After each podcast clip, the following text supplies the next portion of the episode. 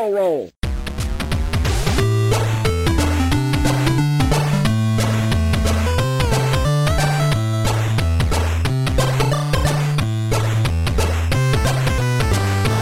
Welkom bij Buttonbashers nummer aflevering... Zo, dat gaat al goed. Welkom bij Buttonbashers aflevering nummer 62. Een uh, speciale retrofocus vandaag over Star Fox. Dat doen we uiteraard na de Game Talk. Maar uh, ja, we moeten natuurlijk eventjes kijken of we er allemaal zijn. Of we leven, of we aanwezig zijn. Steve, ben je daar? Ja, hier zijn we. Ah, kijk, dat is goed. Niels, jij ook? Ja hoor, oh, ik ben er. Oh, ik begon even te twijfelen.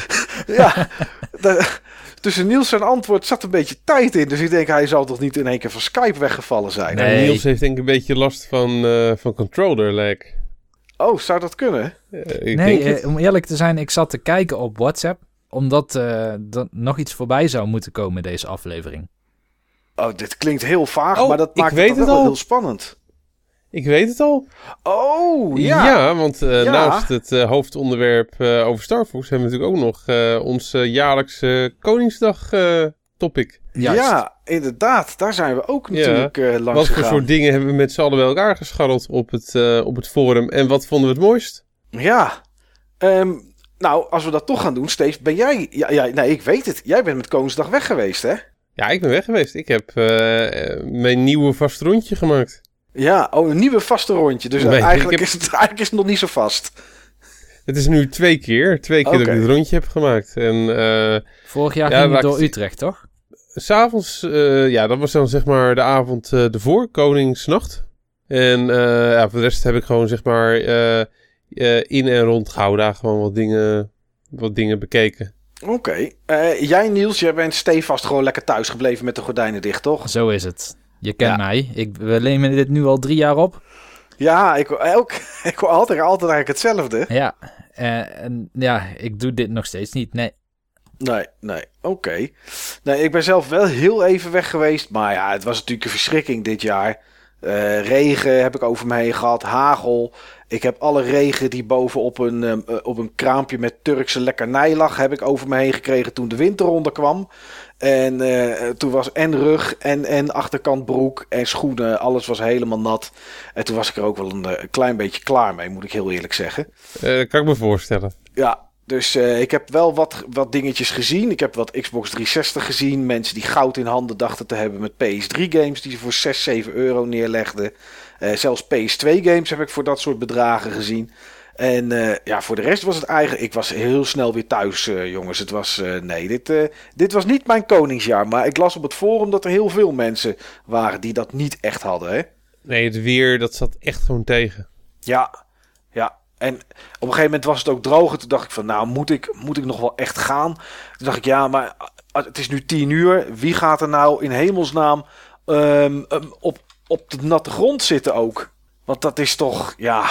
Weet je, wie gaat er nou buiten zitten? Mijn kinderen hadden niet zeg maar eh, zo mogen gaan zitten als ik kinderen zou hebben. Nou, die van mij wel, maar ik had wel gezegd, papa gaat niet mee. Ik, eh, nee, dit, met dit weer, het, het stond op mijn telefoon zelfs, het voelt aan als min 2 op dit moment. Iemand denk, had nou. ook geloof ik een boxed nest laten liggen omdat het zo geregend had. Een Ja. box SNES volgens mij. Een SNES, oké. Ja, die had ik wel voor goede prijs mee durven eh, nemen.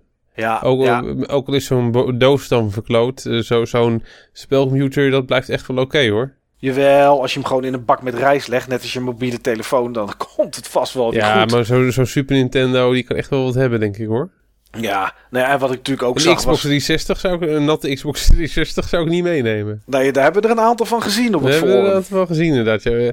Ik heb zelfs, eerst zelfs Xbox 360 eh, gewoon, of 360 als, ehm, als baksteen gebruikt zien worden om een... eh, Om een zeiltje om vast te houden. Om zeil ja. vast te houden inderdaad, ja. Ja, er lagen gewoon vier Xbox 360's lagen daar gewoon op. Om...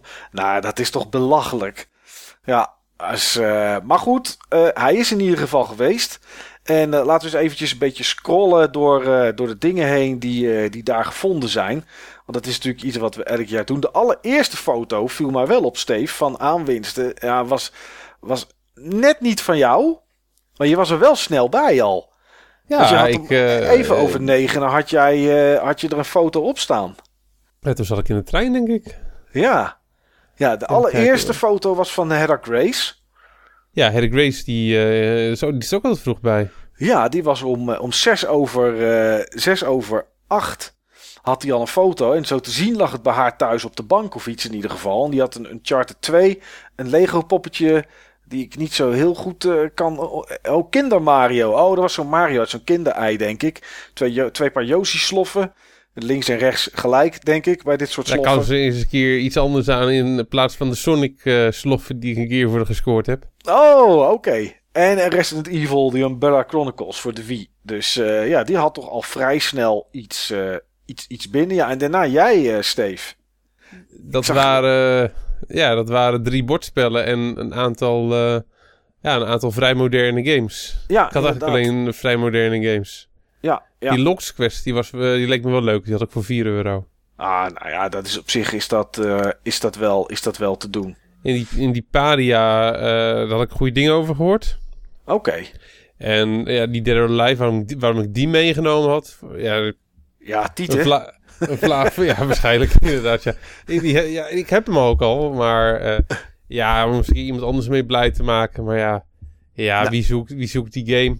Ja, nee, dat, is het, dat is het wat ik me elk jaar voorneem altijd. Is van, ik ga dit jaar ga ik, ga ik gewoon met een grote zak met geld ga ik op pad. En ik ga gewoon alles kopen. Of ik het nou nodig heb of niet, weet je, als het voor een leuk bedrag ligt. Hè, dat is dan wel de enige voorwaarde. Ga ik het gewoon allemaal kopen. En dan kom ik aan en dan zie ik zo'n stapel. En dan kosten ze 2 euro per stuk. En dan zie ik FIFA en FIFA Street. En ik zie de, de 600ste Tom Clancy voor de Xbox 360. En dan nog, nog twee andere games. Dat ik denk, wat moet ik ermee? En, en dan neem ik het toch weer niet mee. Ik weet niet wat dat is. Er zit toch altijd iets, iets wat dat een beetje tegenhoudt. Die badge op het forum van Koningsdag Koning 2016, die trekt jou dus niet genoeg om toch maar een paar honderd euro uit te geven aan troep. Nee, nee, inderdaad. eh, We geven altijd een, eh, een, een, een icoontje, een badge weg aan degene die het, eh, het meest en het mooist heeft gescoord. Ehm, maar nee, het is niet zo dat ik daar loop en dat ik denk... Ja, het klinkt heel lullig, maar als ik dat icoontje wil, dan zet ik hem er gewoon bij. ja. ja, simpel toch? Wat een Ja. dictatuur ook, hè?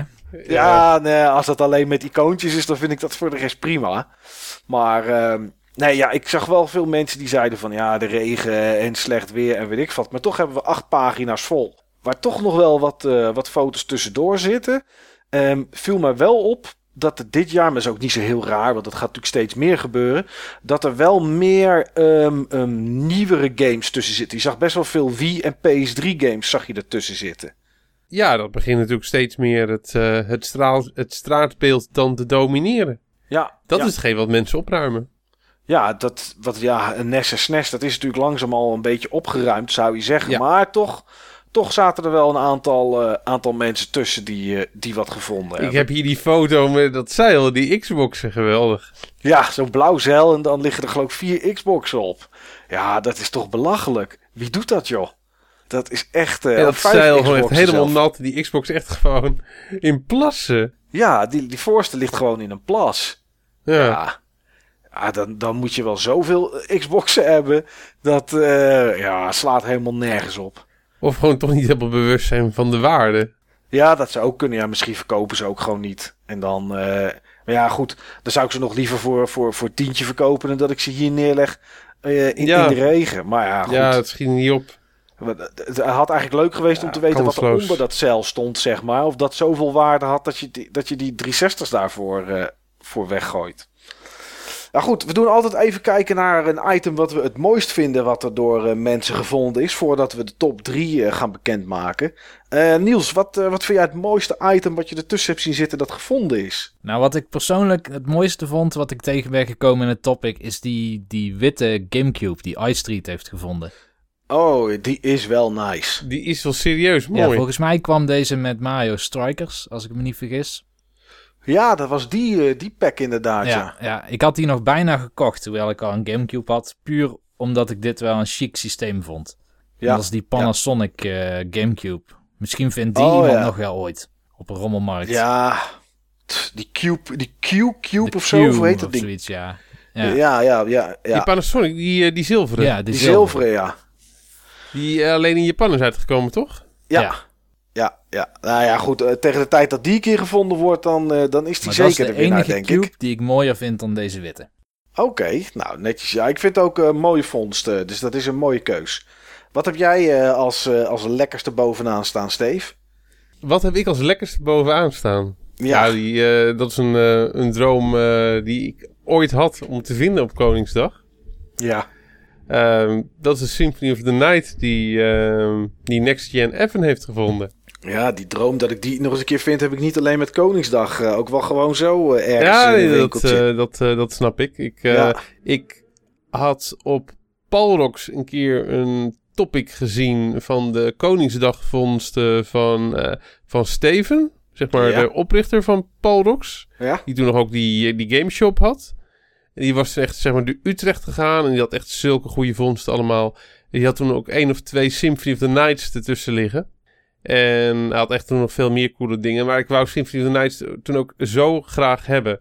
En eh, ja, de, de twee edities van Koningsdag, of Koninginnedag was toen nog volgens mij daarna. Toen, eh, toen droomde ik ook stiekem of, een, op, of, een, of ik een Symphony of the Night zou vinden. Niet gevonden. Nee. Inmiddels heb ik hem heb ik gewoon kunnen ruilen eh, een keer op een beurs. Maar ja, het is natuurlijk geweldig om zo'n klassieker en zo'n dure titel te vinden op een Koningsdagmarkt. Ja. En dit was dan zonder de muziekcd en zonder eh, de manual, geloof ik, of zonder het boekje. Maar eh, ja, nog steeds gewoon een prachtige vondst. Ja, ja, zeker weten. Dat is leuk als je zoiets, eh, als je zoiets oppikt. Ehm, ja, het ding wat, wat ik wel erg tof vond was van, van Silent Eddy. En die had namelijk voor de Atari 26... oh nee, sorry, voor de videopak. Ik noem het Atari 2600, maar het is voor de videopack van Philips. Speurtocht naar de ringen. En die had hij gewoon nog helemaal eh, in doos met, eh, met alles erbij eigenlijk. En eh, dat vond ik wel een hele tof vondst. Want ja, dat, die heb ik überhaupt nog bijna nooit gezien. Gewoon zo in het, in het wild. Ook niet op een, op een beurs of wat dan ook. En ja, er is dus toch blijkbaar iemand in Nederland die dacht van... hey, wat heb ik hier liggen? Ah ja, weet je, laat ik het lekker verkopen. En dan, eh, d- d- dan ben ik er vanaf. Ja, en als je die dan kan scoren, vind ik dat wel, eh, vind ik dat wel echt heel erg tof. Het is Dus toch dat- apart, hè? Om, juist zeg maar op die Koningsdag.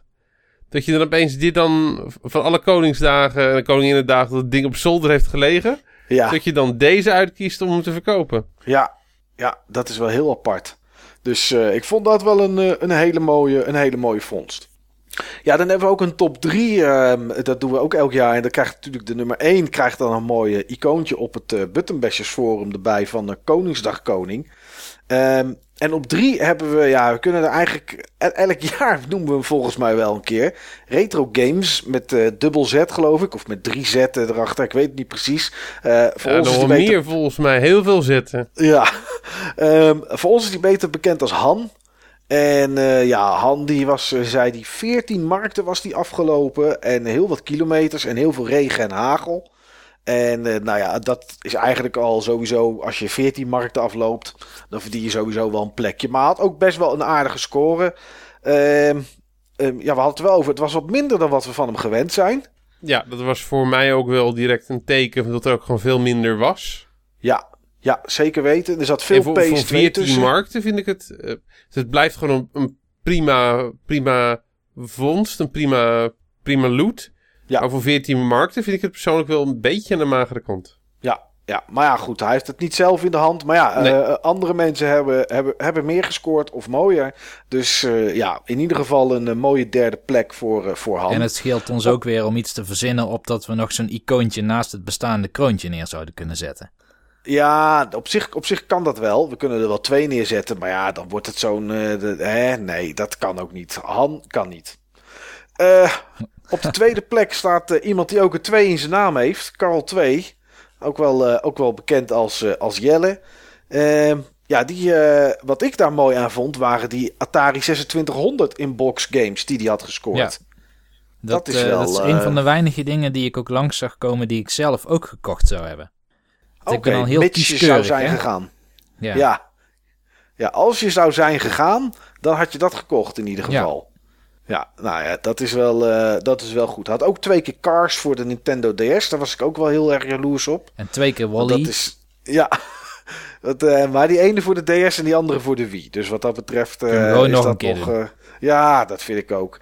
Dus, eh, en een mooie Kill Bill box trouwens, vond ik. Maar goed, dit, Dat was echt een hele mee, mooie box. Daar was hij ook heel blij mee. Ja, telt natuurlijk niet mee voor de games, maar dat is wel een eh, hele, toffe, hele toffe aankoop. eh. Dit heeft hij ook echt dan op Koningsdag zelf eh, gevonden. Op, op de avond voor Koningsdag was ik dan met hem in Utrecht en die had echt heel weinig. ja. Ja, en de nummer 1. Ja, ik heb hem net al genoemd, stiekem, omdat daar voor mij de mooiste aanwinst tussen zat. Maar ja, dat is dit jaar toch Silent Eddie. Het is, eh, je krijgt er zeg maar RSI van om langs al zijn foto's te scrollen. met wat die, Netjes eh, gesorteerd per platform. Ja, inderdaad. Het begint met de PS2. Daarna heeft hij een foto van Xbox 360. PS1, PS3 en PSP heeft hij dan maar bij elkaar gezet. Want dat werd dan makkelijker. Een gitaar voor, voor, voor de Wii met Guitar Hero erbij. Een oude Game Boy nog.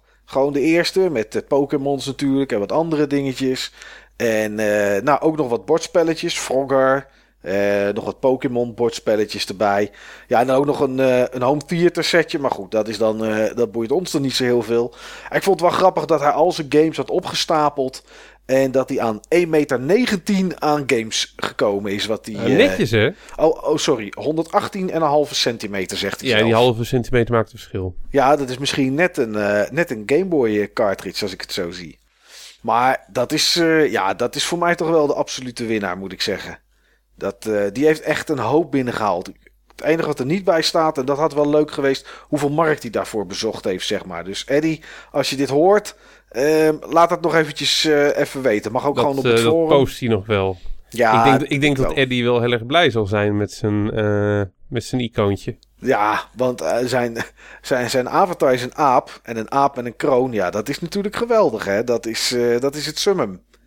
Dus eh, ja, ik, ik hoop dat volgend jaar iets beter weer is, jongens. En dan, ik ga niet zeggen dat ik er weer een gooi naar ga doen. Want we hebben net gehoord dat ik toch niet alles koop. Maar ik hoop in ieder geval iets, iets te vinden volgend jaar. Ja, ik heb een stille hoop van dat er gewoon heel veel dan extra ligt van wat er dit jaar niet heeft gelegen. Dat zou kunnen, maar het zou ook kunnen zijn dat het bij de volgende rommelmarkt in de buurt of inmiddels bij de kringloop ligt. Dat zou natuurlijk ook kunnen. Dat mensen gedacht hebben, het is zulk verschrikkelijk weer. Weet je wat we doen op vrijdag of op zaterdag? We brengen het wel naar de kringloop, dan zijn we eraf. Maar ja, aan de andere kant, mensen denken tegenwoordig met alles goud in handen te hebben. Dus wat dat betreft, eh, misschien ook wel niet. Nou, goed jongens. ehm, ja, we hebben Koningsdag hebben we besproken, dus die kunnen we van het lijstje afstrepen. Het volgende wat we gaan afstrepen is natuurlijk de Game Talk.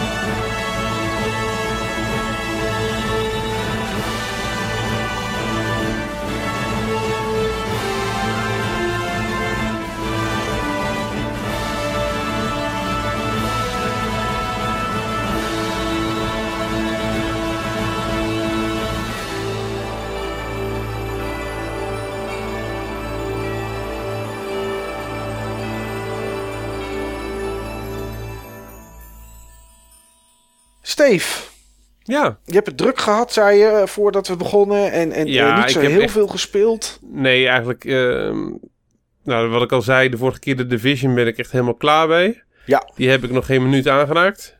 En begrijpelijk. Ja, ehm, Destiny heb ik, nog wel, ehm, heb ik nog wel gespeeld. Die update vind ik echt leuk, die nieuwe. oh ja, die april-update. Ja, eigenlijk komt het erop neer dat ze zeg maar heel veel dingen nu ja, eh, levensvatbaar hebben gemaakt om, eh, om loot te vinden. En ze hebben nu ook een smart loot systeem waardoor eigenlijk bijna alle eh, dingen die je vindt ook beter zijn dan hetgeen wat je hebt. oh, dus dat is, wel, dat is wel heel cool. Dat hebben ze wel leuk eh, gedaan. Dat is iets wat, ze- wat al eh, eerder animo voor was en nu is het dan eindelijk. Maar Dus ga ik niet als, uit... er, als ja. er iets dropt, zeg maar. Het hoeft natuurlijk niet te zijn dat er elke keer iets dropt. Daar zal waarschijnlijk nog wel een bepaalde win-lose ratio aan zitten, gok ik. Eh, ja, maar het is wel zo dat je... De drops zijn royaal. Oké, oké. Ja. Dus als er iets dropt, is het 9 van de 10 keer beter dan wat je hebt. Ja, en er dropt echt heel veel um, op, binnen bepaalde activiteiten. Binnen de raid, uh, de, de laatste raid dropt nu ook veel meer. En uh, uh, het was Iron Banner vorige week, zeg maar, hun maandelijkse PvP-event. en daar heb ik echt heel veel zien droppen. Okay. En had ik zelf ook, ik heb helemaal niet zo gek veel gespeeld. Maar ik had echt goede drops voor die, voor die paar uur die ik ingestoken had. Oké, nou dat is wel netjes. Staat er eigenlijk nog een grote uitbreiding of iets op het programma voor ja, Ja, wordt waarschijnlijk in, uh, met oktober E3... of zo? Oh, ja, wordt okay. waarschijnlijk met de E3 bekendgemaakt. Maar iedereen vermoedt weer september, oktober. Ja, precies. Dat zal inderdaad wel. Ja. Dus Destiny 2 schijnt pas volgend jaar te komen. Ja, klopt. Dat heb ik ook gezien ergens in, uh, in En ze moeten, gewoon, ze moeten gewoon iets doen om, uh, om die playerbase geïnteresseerd te houden. Ja, ja, want als ze die nu gaan verliezen, dan wordt het ook minder om die straks weer terug te winnen met Destiny ja. 2 natuurlijk. Maar de playerbase is, uh, is enthousiast over deze update. Nou ja, dat is in ieder geval goed. Ja, iedereen vindt het gewoon een, eigenlijk een, ja, een goede update die mensen hun tijd respecteert. En ja, die eigenlijk heel veel dingen leuk maakt, waardevol. En ja, eigenlijk is het precies het tegenovergestelde met die laatste update van de Division. Die is echt heel slecht ontvangen. Ja. Echt heel slecht ontvangen. Ja, Division is een beetje stuk, lees ik ja, overal. Ja, die is dat echt, is, uh, is gewoon echt heel erg stuk. Het lijkt wel met alles wat ze toevoegen of het alleen maar slechter wordt. Ja, dat, uh, dat gaat even niet goed. Nee, nee. Nou ja, goed. Uh, zien we tegen die tijd, wat we vorige podcast zeiden, we zien het eind van het jaar wel eens een keer als alle DLC er is. Dus kijken of het dan nog interessant is om, uh, om weer op te pikken. Ja, bij de ja. Division is het ook zo dat een van mijn vrienden, van degene die bij mij in de klas hebben gezeten, is game designer bij Massive Entertainment. Maar die ja. is nu al een paar weken op vakantie. Dus ik verwacht ah. ook niet dat ze ad hoc nog dingen gaan, uh, gaan veranderen. En dat het eigenlijk een soort pipeline aan content is die nu sowieso wordt uitgebracht.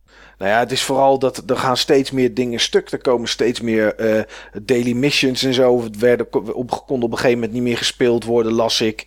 Uh, er waren heel veel problemen zijn er met, uh, met, met cheaters en dat soort dingen. Vooral PC, maar ook glitches en dat soort dingen allemaal op consoles. Het ja, is, op, ook op console hoor. Je kon de effecten van wapens stacken.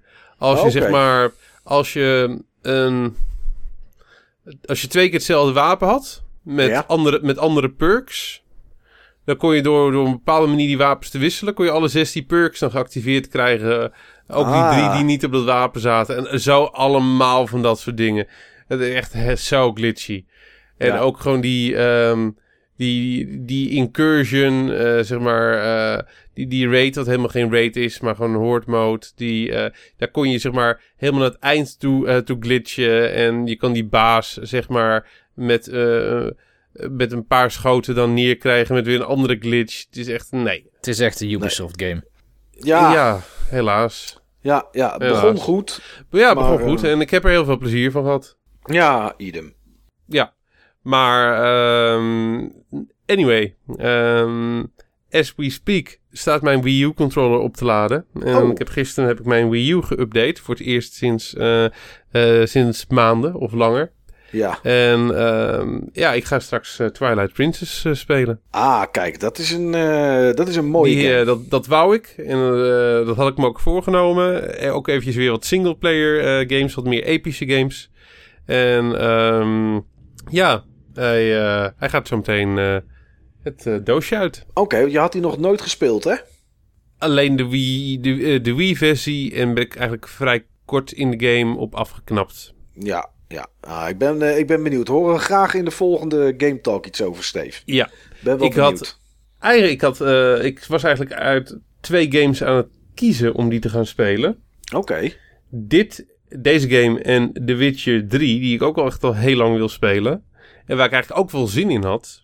Ja. Maar ik heb vanwege een bepaalde reden niet gekozen voor uh, The Witcher 3. En ik ben eigenlijk wel benieuwd naar jullie mening over de reden waarom ik er niet voor gekozen heb. De PlayStation 4 Neo, die, uh, die zeer, zeer, zeer waarschijnlijk uh, op de E3 aangekondigd gaat worden. Ja. Voor de mensen die niet weten wat dat is, dat is een nieuwe versie van de PlayStation 4. Met toch wel uh, aanzienlijk, aanzienlijk sterkere specs. Met name, met name de grafische kaart. En ja, die zou zeg maar dan nieuwe, nieuwe games uh, beter moeten gaan, gaan draaien. Het zij met een hogere framerate, het zij met meer detail, het zij met een, een hogere resolutie. Nou, dat, daar heb ik zelf niet zo interesse in. Want ik heb geen 4K uh, tv op dit moment. Die heb, ik heb ook helemaal geen zin om die nu aan de muur te knallen daarvoor. Ik verwacht dat die vooral gebruikt zal worden om gewoon games beter te laten draaien in 1080p. Want dat is vaak al, dat is vaak al een probleem. Ja. En um, ik ben eigenlijk wel heel benieuwd naar, naar jullie mening erover. Ik heb The Witcher laten liggen, omdat ik echt vrij zeker weet dat die gasten van CD Projekt Red The Witcher zullen optimaliseren voor de PlayStation Neo als die er inderdaad komt. Wat eigenlijk eh, voor mij niet eens een vraag is. Hmm. Ja, wat vind ik van de Nio? Uh, als die uiteraard officieel komt. Met, officieel is die niet aangekondigd. Maar we kunnen er eigenlijk niet meer onderuit dat dat ding er niet komt. Uh, of dat we kunnen er eigenlijk niet meer onderuit dat het ding komt. Want er zijn zoveel geruchten en zoveel mensen die daarover gesproken hebben al. wat vind ik ervan? Ik vind het.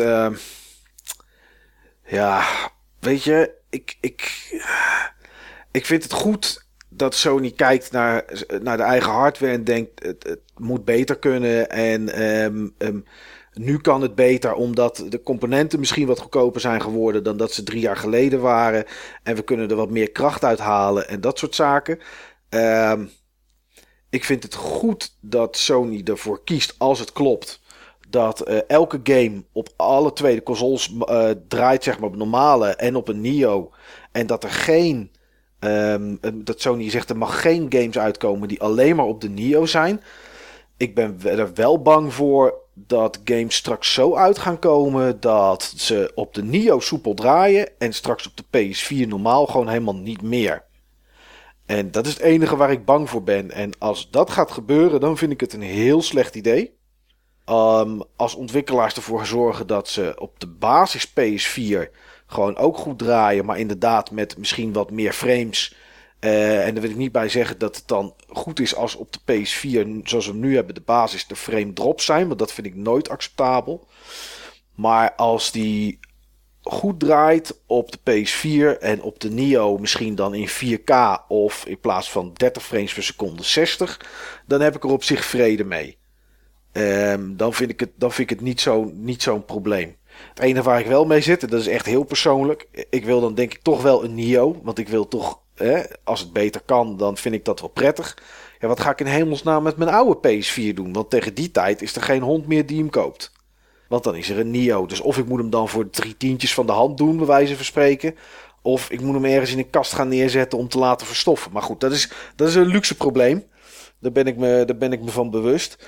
Maar um, ik, het enige waar, wat ik hoop is dat het niet te vaak gaat gebeuren. Dat is het enige wat ik er dan nog over wil zeggen.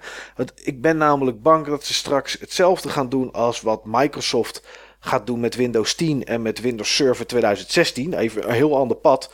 Windows 10 en Windows Server 2016, die er binnenkort aankomt van Microsoft, zijn eigenlijk de laatste major releases die ze willen maken. En daarna gaan ze elke keer major updates doen. En als ze dit ook gaan doen, dat we straks uh, de PS4 Neo 2 krijgen of zo, die nog krachtiger en sterker is. En dat er misschien helemaal geen PS5 meer komt, of dat ze dit systeem doorzetten op de PS5 en de Xbox volgende. Dan krijgen we straks zoveel upgrades dat op een gegeven moment de oude consoles de games niet meer kunnen draaien. Want daar komt het dan op een gegeven moment op uit.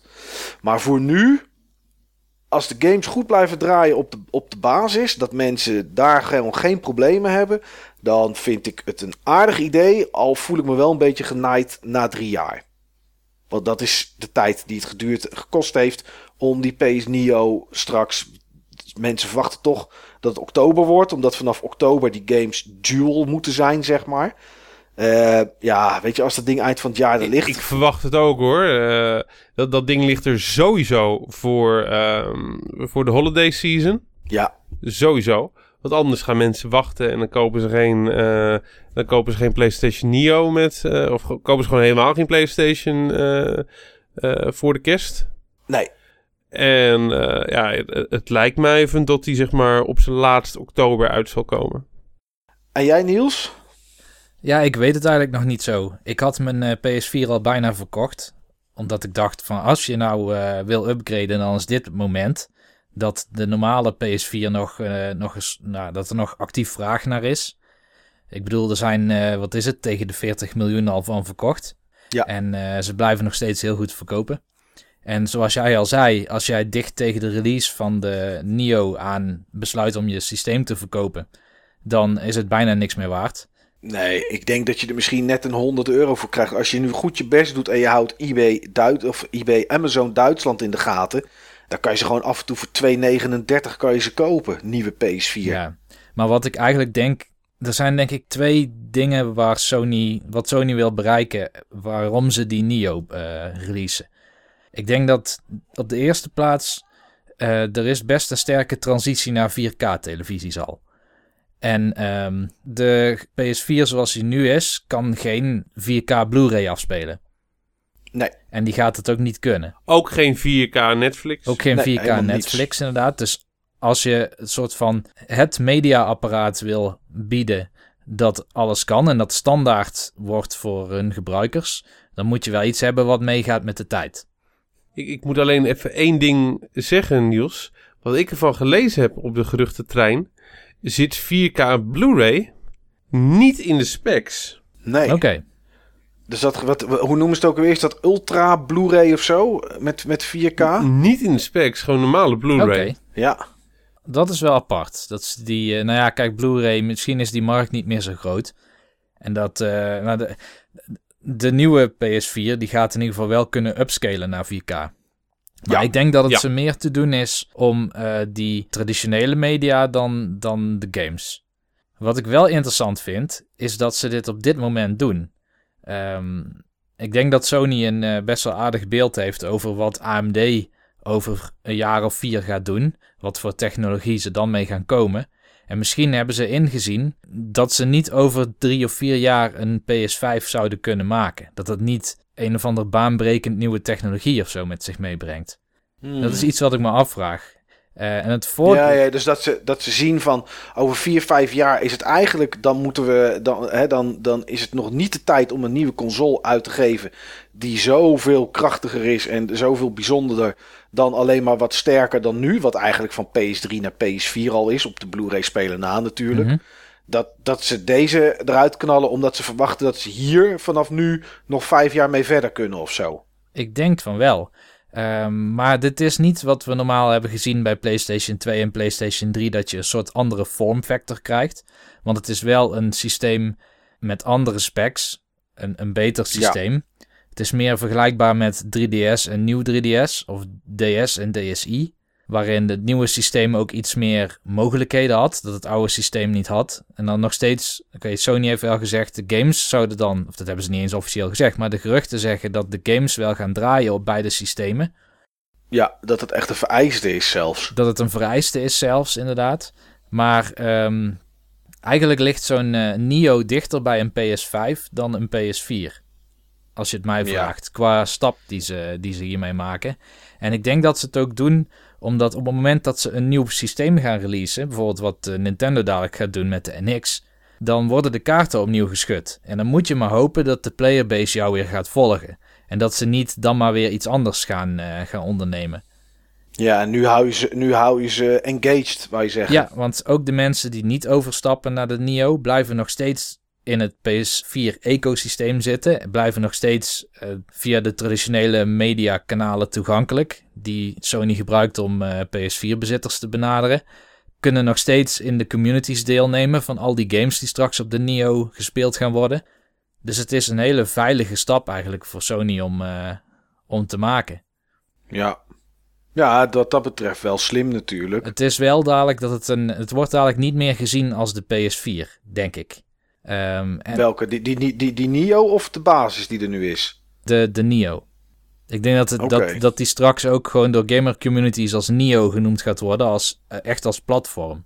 En niet Ja. als, eh, niet als eh, PS4, die ene die net iets beter is. Nee, ja, we hebben natuurlijk PS4K voorbij zien komen. PS4.5 heb ik voorbij zien komen. Ja. En gebruikt ook zelf. Maar ja, wat, wat denk jij zelf eigenlijk, Steve? Hoe sta je er zelf in?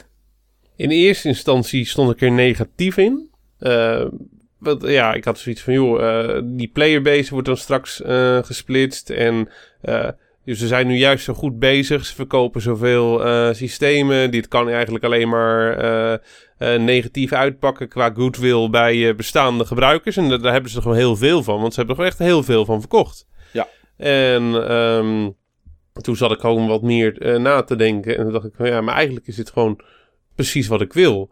Want ik... Uh, ja, ik, ik vind het juist jammer dat zeg maar die, uh, die graphics en die specs en die mogelijkheden um, vaststaan voor, uh, voor zoveel jaar. En dat je dan gewoon niet kan profiteren van nieuwe rekenkracht die er wel in nieuwe PC's komt en dat soort, dat soort zaken.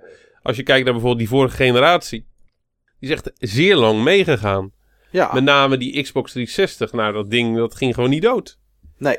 En enerzijds is het hartstikke positief. Je hebt gewoon echt heel veel waar voor je geld uh, gekregen. Maar ja, die games begonnen op het eind wel echt achter te lopen op basis van de technische mogelijkheden die er waren. En um, ja, dit en nu met zo'n uh, met zo'n tussentijds upgrade systeem. Wat, wat ik zomaar denk van als dit succesvol is, dat ze dan, dan dat dit dan gewoon standaard uit de kast getrokken gaat worden door, door Microsoft en Sony. Um, ja, dat, dat vang je dan deels op, deels. Want uh, ze leggen zichzelf ook wel een beperking op uh, door te zeggen van... joh, uh, games moeten wel blijven spelen op, op de PS4. Dus je kan zeg maar dat die, je kan die, die huidige installbase kan je dan niet achterlaten. Dus je kan niet games echt volledig optimaliseren voor, voor de NIO. Je zal altijd gewoon verankerd zitten in die bestaande infrastructuur. Ja. Maar dat vind ik ook helemaal geen, uh, geen verkeerd iets. Dat is ook eerlijk. Ja, is het al ook? die mensen, dat is gewoon eerlijk naar al die mensen die zo'n PS4 uh, gekocht hebben. Ja, want dan zou echt de shitstorm compleet zijn. Ja, ja, ja, ja en terecht. Maar dat, dat is natuurlijk niet. Het, dat, dat kunnen ze gewoon echt niet doen. Nee. Dus ik, ja, ik, uh, ik, ik sta er positief tegenover. Op het moment dat gewoon veel van mijn, uh, van mijn games, uh, al is het gewoon een derde, geüpdate worden naar, naar die Neo. En op het moment van dat de nieuwe games die uitkomen echt substantiële voordelen um, hebben, dan komt er eigenlijk gewoon per default eentje in huis. Eigenlijk komt er sowieso per default eentje in huis. Want hetzelfde geldt voor mij, Mike. Ik wil nog gewoon het beste in huis hebben. Ja, als het kan. Weet je, ik weet niet wat die gaat kosten. Dat zal waarschijnlijk, hopelijk, misschien 4. Ja, weet je deze die, hè, officieel natuurlijk nog niks, maar misschien gaat die 400 of gaat die 500 kosten. Ja, weet je, aan de ene kant voel ik me dan wel een beetje lichtelijk genaaid, omdat ik denk van ja, weet, uh, uh, waarom, waarom moet het, zeg maar? Ik bedoel, er zijn nu genoeg games. Ja, ze draaien misschien niet altijd op 60 frames per seconde en niet altijd op 1080p, maar het, het, het, meeste draait gewoon prima. Alleen, ja ik, ja, ja, ja, ik zal hem waarschijnlijk wel gewoon halen. Ik vind het eigenlijk wel vervelend voor de developers. Want die moeten nu twee keer door zo'n content check uh, systeem heen. Wat hun waarschijnlijk uh, alleen maar geld kost. En patches Klopt. moeten ook voor twee systemen elke keer worden getest en worden doorgevoerd. En Yep. op een gegeven moment um, wordt het echt heel lastig om, uh, om, om die twee systemen nog evenwaardig, zeg maar, uh, te onderhouden. Ja, nou ja, dat was ook gelijk een gerucht wat daarbij meekwam, hè, dat Horizon Zero Dawn, dat die uitgesteld is naar 2017, omdat, uh, om, omdat die ook voor de Nio ontwikkeld moet worden, zeg maar. Ja, Ja, developen wordt gewoon lastiger, punt. ja daar... Want je eh, bent gewoon aan het, eh, aan het... Straks ben je aan het developen voor, eh, voor vier of vijf platforms. Nu ben je aan het... Nee, voor zes platforms. Nu ben je aan het developen voor, in de meeste gevallen, voor PS4, Xbox One en PC. Ja. Waarbij PC dus al een lastig platform is. En dan ben je straks aan het ontwikkelen voor PS4, PS4 Neo, Xbox One, Xbox anderhalf, ehm, PC en, ehm, en waarschijnlijk dan eh, de Next. De NX, ja, ja, Ja. inderdaad. Maar toch denk ik dat heel weinig developers iets met die Neo gaan doen hoor. En dat het vooral uh, de Sony First Party Studios zijn die er echt iets mee gaan doen. En de andere developers zullen misschien de, de lock op 60 fps zetten in plaats van op 30 fps. Of uh, in plaats van een variabele resolutie gewoon een fixed resolutie pakken. En met een klein beetje geluk hebben ze een ander post-processing iets of zo. Maar ik denk dat, dat het bij dat soort dingen blijft. Ik, Ja. ik weet het niet, Niels. Uh, veel developers hebben gewoon al assets klaar liggen die ze gewoon kunnen gebruiken hè, van, vanuit PC-versies. Uh, vaak is het zo van tot de, uh, tot de ja, tot de PS4 en Xbox One game qua wat gebruikt wordt en waar de, waar de default op staat een beetje overeenkomt met de medium of medium high uh, uh, variant van een PC game. Ja, je kan gewoon inderdaad putten uit best wel veel dingen uh, die, die toch al voor de PC-versie hebt liggen. Ja, of is dat juist precies wat je bedoelt? Uh, dat, is, dat is wat ik bedoel. Alleen niet heel veel PC-versies zijn echt substantieel mooier of zo dan uh, console-versies. Nou ja, de textures worden, zijn natuurlijk vaak wat groter voor PC. Alleen daar, en dat is iets wat de Nio natuurlijk niet doet. Um, er zit geen memory upgrade in. Het blijft nog steeds die 8 GB. En als je kijkt naar um, um, uh, games als, uh, als Far Cry, die, uh, die Far Cry Primal, die had geloof ik 2 GB of zo, of 2,5 GB memory minimaal nodig. Uh, voor hoge resolutie textures en voor 4K textures soms nog wel wat meer. Dus ja, ze zullen misschien. Ik, ik denk niet dat er betere en mooiere textures in. Ze kunnen wat sneller ingeladen worden. Maar ik denk niet dat er, dat er meer ingeladen kan worden. Want memory blijft gewoon hetzelfde van het systeem. Dat is waar. Ik, ik, verwacht niet dat de focus op 4K gaming zal komen te liggen. Nee, wat ik... Kijk, 4K, dat zal eerder gewoon 4K Netflix en 4K media, mediaconsumptie uh, zijn. Ja, Maar volgens mij heeft het ding gewoon niet uh, uh, de balans die nodig is om, um, om 4K gaming voor high-end titels nee. mogelijk te kunnen maken sowieso vind ik 4K Netflix ook een beetje een wassen neus. Want ja, die resolutie is misschien wel op 4K. Maar de bitrate, het aantal MB's wat je per seconde aan beelddata krijgt, is nooit zo hoog als vanaf een Blu-ray. Klopt. Uh, dus wat dat betreft vind ik dat sowieso een beetje uh, wassen neus. Maar dat zal het gros van het publiek niet weten of zien. Want die zijn, 4K is 4K. Dus voor hun is dat voor de rest prima. Maar ik, ik denk inderdaad wat Niels zegt. Weet je, die, ze hebben een engine. Die engine doet het op zowel de normale console als op de Nio. Uh, wat, wat de basis blijft gewoon hetzelfde. En bij die ene zetten ze hem vast op 30 en bij die andere op 60. En misschien de resolutie wat hoger als dat, uh, als dat niet, zo, uh, niet zo is. Ik denk dat het gros inderdaad gewoon zo'n trucje uithaalt. Maar ik ben wel benieuwd hoeveel games. Uh, je had natuurlijk over de Witcher, Steve, dat je daarom nu, nu wachten. En het zou mooi zijn als daar inderdaad een uh, patch voor uitkwam. Dan hoeft het niet eens meer frames per seconde en een hogere resolutie. Maar als die maar stabiel is, dan speelt het al een stuk prettiger. Ik ben wel benieuwd hoeveel games ze in retro uh, opzicht zeg maar, gaan patchen. Zal, ik denk dat het, uh, het zullen niet mega veel zijn, want het is gewoon een investering. En, uh, en die teams die zijn natuurlijk toebedeeld weer aan andere projecten. Ja. Maar van CD Projekt Red weet ik het eigenlijk zo goed als zeker. Ja, Sony zal het bij een Uncharted die nu uitkomt binnenkort zullen ze het wel doen. En bij een aantal andere titels natuurlijk. Ja, ze moeten het toch een beetje pushen. Maar de rest, ja weet je, die winst is er ook niet meer. Hè? Voor, ik bedoel, de winst voor Far Cry Primal die in uh, februari uitkwam. Ja, die is er niet meer om daar nu nog die patch overheen te gooien. Nee. Dat, uh, dat is gewoon, ja, dat is niet nuttig meer. Even één vraag, Mike, en dan ja. wil ik het topic ook, uh, ja. ook sluiten, sluiten voor nu. Um, Microsoft gaat hetzelfde doen, toch? Nou, het is een beetje schommelend. Uh, Phil Spencer heeft wel gezegd dat ze bij, in ieder geval bij een volgende console zoiets zouden willen doen. Dat die te upgraden is. En die wilde dat uh, op een simpele manier. Dus gewoon niet als een PC dat je iets moet openschroeven of wat dan ook. En dat je er, ja, dan zou je dus misschien met een soort uh, USB 3 poort of weet ik veel wat voor poorts daarvoor verzinnen iets moeten doen.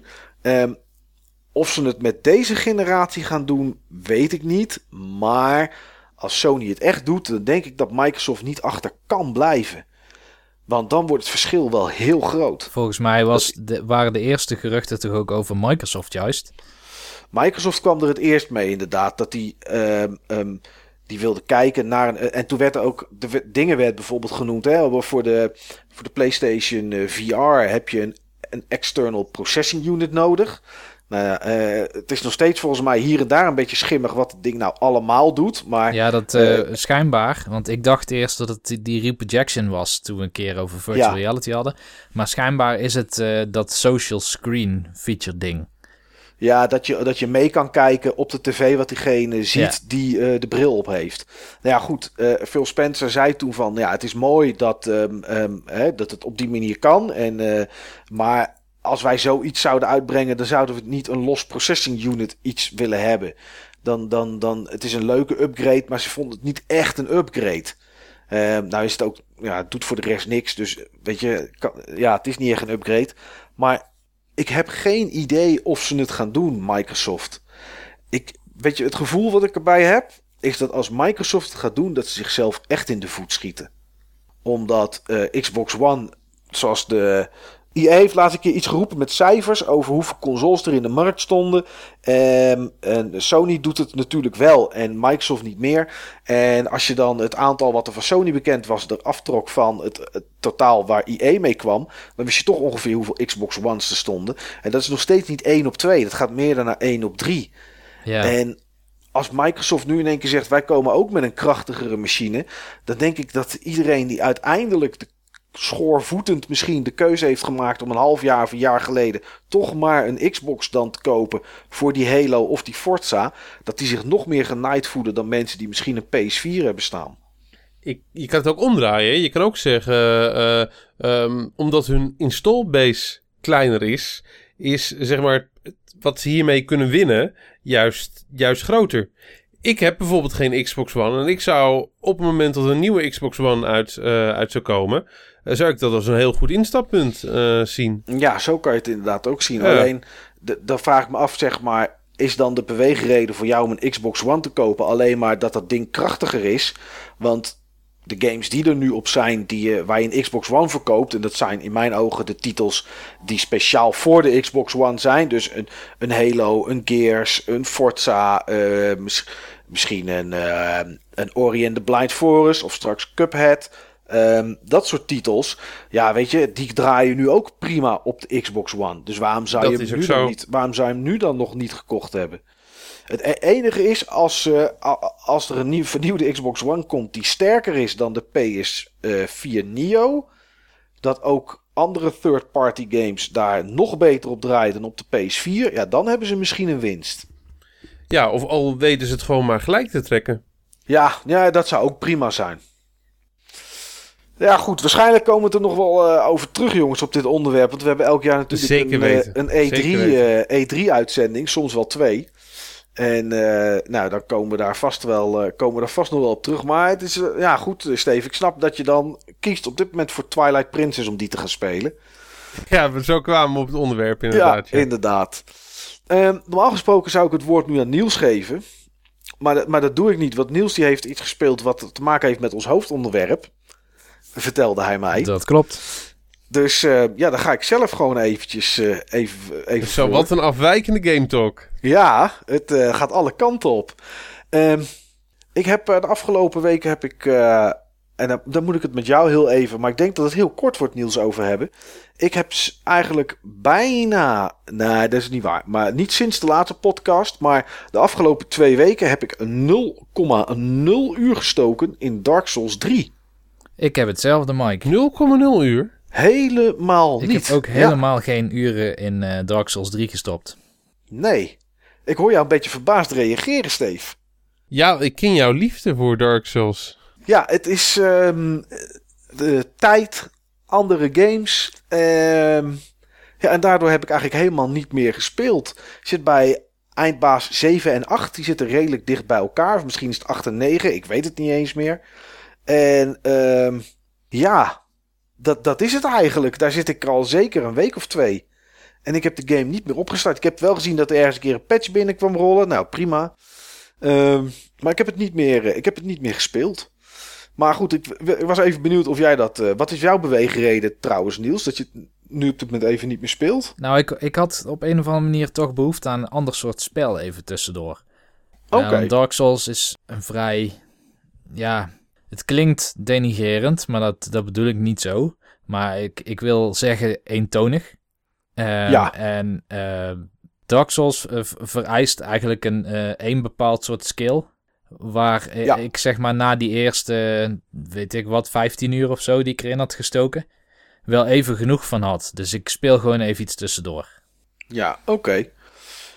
Okay. Um, ja, wat ik uh, gespeeld heb in ieder geval is de nieuwe Red... Nou ja, nieuw is die niet, maar uh, Ratchet Clank op de PS4.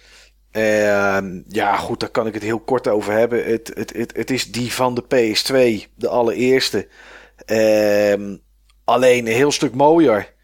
En, en opgepoetst en werelden gevuld. een aantal andere nieuwe wapens. Maar ik vind het een heerlijke game om te spelen. Ik heb hem nog niet uitgespeeld. Ehm, maar het is, het is het is ook, nou ja, de afwisseling die in Dark Souls 3 niet zit, in geen enkele Dark Souls, die zit er wel in, in zoiets als Ratchet Clank. Want het is uh, uh, vliegen, een soort vliegmissies à la Star Fox misschien wel. Er zitten er een aantal, in ieder geval één tussen, met vliegen en schieten. En op een rails glijden. Op rails glijden. Er zit uiteraard een race in met een hoevenboord. en er zit gewoon platformactie in met springen en slaan. Veel schieten, maar ook puzzelen. Want als je als Clank speelt en je gaat... Uh, ja, Clank die, die kan items oppakken en neerzetten. En uh, ja, daar zit dan weer een beetje puzzelelement zit daar dan in. En ja, dat alles bij elkaar. grafisch zeer mooi. Helaas niet meer op 60 frames per seconde, maar op 30. Al is het prima te doen hoor. Ja, is het eigenlijk gewoon... Niet meer op 60. Was die ooit op 60? Ja, die PS2-versie die draait op 60 frames per seconde. Ja joh. Ja. Eigenlijk hebben ze een stap terug gemaakt dan. Ja, maar als je uh, com uh, comparison video's ziet, hè, als je ze naast elkaar ziet en je ziet hoe uh, gevuld de wereld nu is vergeleken bij wat die ooit was, snap je wel dat dat ja, met, met deze PS4, maar misschien wel straks met de Nio, maar met deze PS4 ook niet mogelijk is, denk ik, om het uh, erop te laten draaien. Het ziet er grafisch echt super uit als je bij een stad staat en je kijkt, je ziet overal ruimteschepen vliegen, overal zie je poppetjes lopen, bewegen. Ja, het is uh, gewoon een heerlijke game om te spelen. Uh, ik vind het denk ik een van de beste remakes tot nu toe. Als je kijkt ook dat het geen, het is geen reimagination, zeg maar, het is echt een remake. Dus elk level is precies hetzelfde, alleen dan veel en veel mooier. Ja, is het ook. Ja, dat, dat, uh, dat, dat klopt. Het is niet en, losjes uh, geïnspireerd op de vorige Ratchet Nee, nee, nee, nee. En het is, het is gewoon allemaal opnieuw gemaakt. Al, al die, die, die... Weet je, het is niet dat ze, dat ze er een HD-filter uit Instagram overheen gegooid hebben of zo. Ja. Er, is echt, er is echt gewoon een hoop werk in gestoken. En, ja, en dat zie je. En het is, het is, ik heb er een review van geschreven en ik denk dat dat voor mij het beste sfeer omschrijft. Of gevoel wat ik erbij heb. Het is zo'n nog even een leveltje game, zeg maar. Weet je, als je een planeet hebt afgehandeld en je hebt daar, uh, je, hebt daar je missies gedaan, eventuele side missies. Dan heb je zoiets van, ah, ik ga nog even op die andere planeet kijken. En, en ja, en dat, dan speelt het gewoon heel lekker weg. Dus wat dat betreft prima, prima titel. Ja, en het andere waar, uh, waar ik helemaal ingedoken ben weer, jongens, is Hearthstone. Ah, ik voelde hem al aankomen. Na de nieuwe update. Ja, ja. Um, twee weken geleden is uh, Whispers of the Old Gods is uitgekomen. Uh, 134 nieuwe kaarten.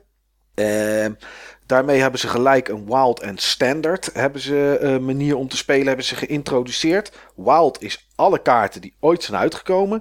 En Standard zijn um, alleen die van de laatste twee jaar. Dus daarmee vallen er twee uitbreidingen af. Dat is uh, de Curse of Naxxramas en alles wat bij Goblins vs. Gnomes is uitgekomen. Die kaarten die zijn, die zijn ja, niet weg. Je kan ze nog steeds gebruiken in Wild. En in de Arena en in de Tavern Brawl die er elke week is.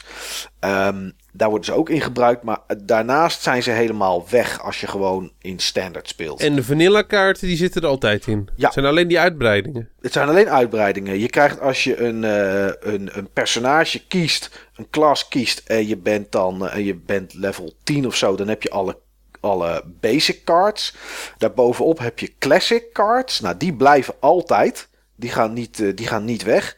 Daarna kwam uh, Naxxramas uit. Daarna Goblins vs. Gnomes. Dus die twee die zijn weg.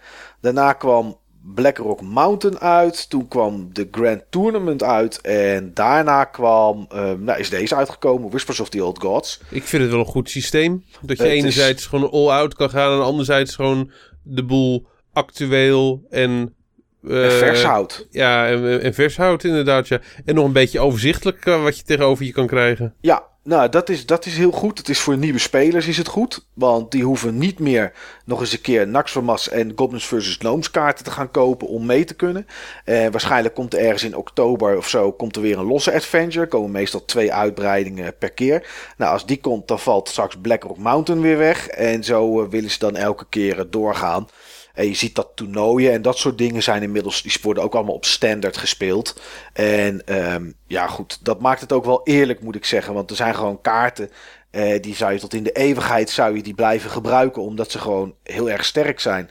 En zeker die kaarten in combinatie met nieuwe kaarten, ja, die zouden er echt, uh, dan kunnen er echt hele bizarre dingen gebeuren. Um, ze hebben ook gelijk een aantal kaarten aangepast die iets te sterk waren. Dus die zijn genervd, zoals ze dat noemen. Um, en ja, ik had 50 pakjes gekocht. Voor het eerst in mijn leven dat ik geld uitgegeven had aan Hearthstone. Uh, ik heb ooit gezworen dat niet te doen. Dan had ik ergens uh, 33 euro gekregen van een game test waar ik aan mee had gedaan. Dus het kostte me niet zo heel veel. Maar ik heb nu officieel geld uitgegeven aan Hearthstone. Uh, ik had nog pakjes gekregen van Blizzard, dus ik had uh, genoeg uit te pakken. Ik heb gelijk alle kaarten van, uh, van Naxxramas en van Goblin vs. Gnome heb ik omgezet naar Dust. Met Dust kan je kaarten maken die je nog niet hebt. Dus die kaarten heb ik allemaal weggedaan, dus ik kan alleen nog maar in Standard spelen.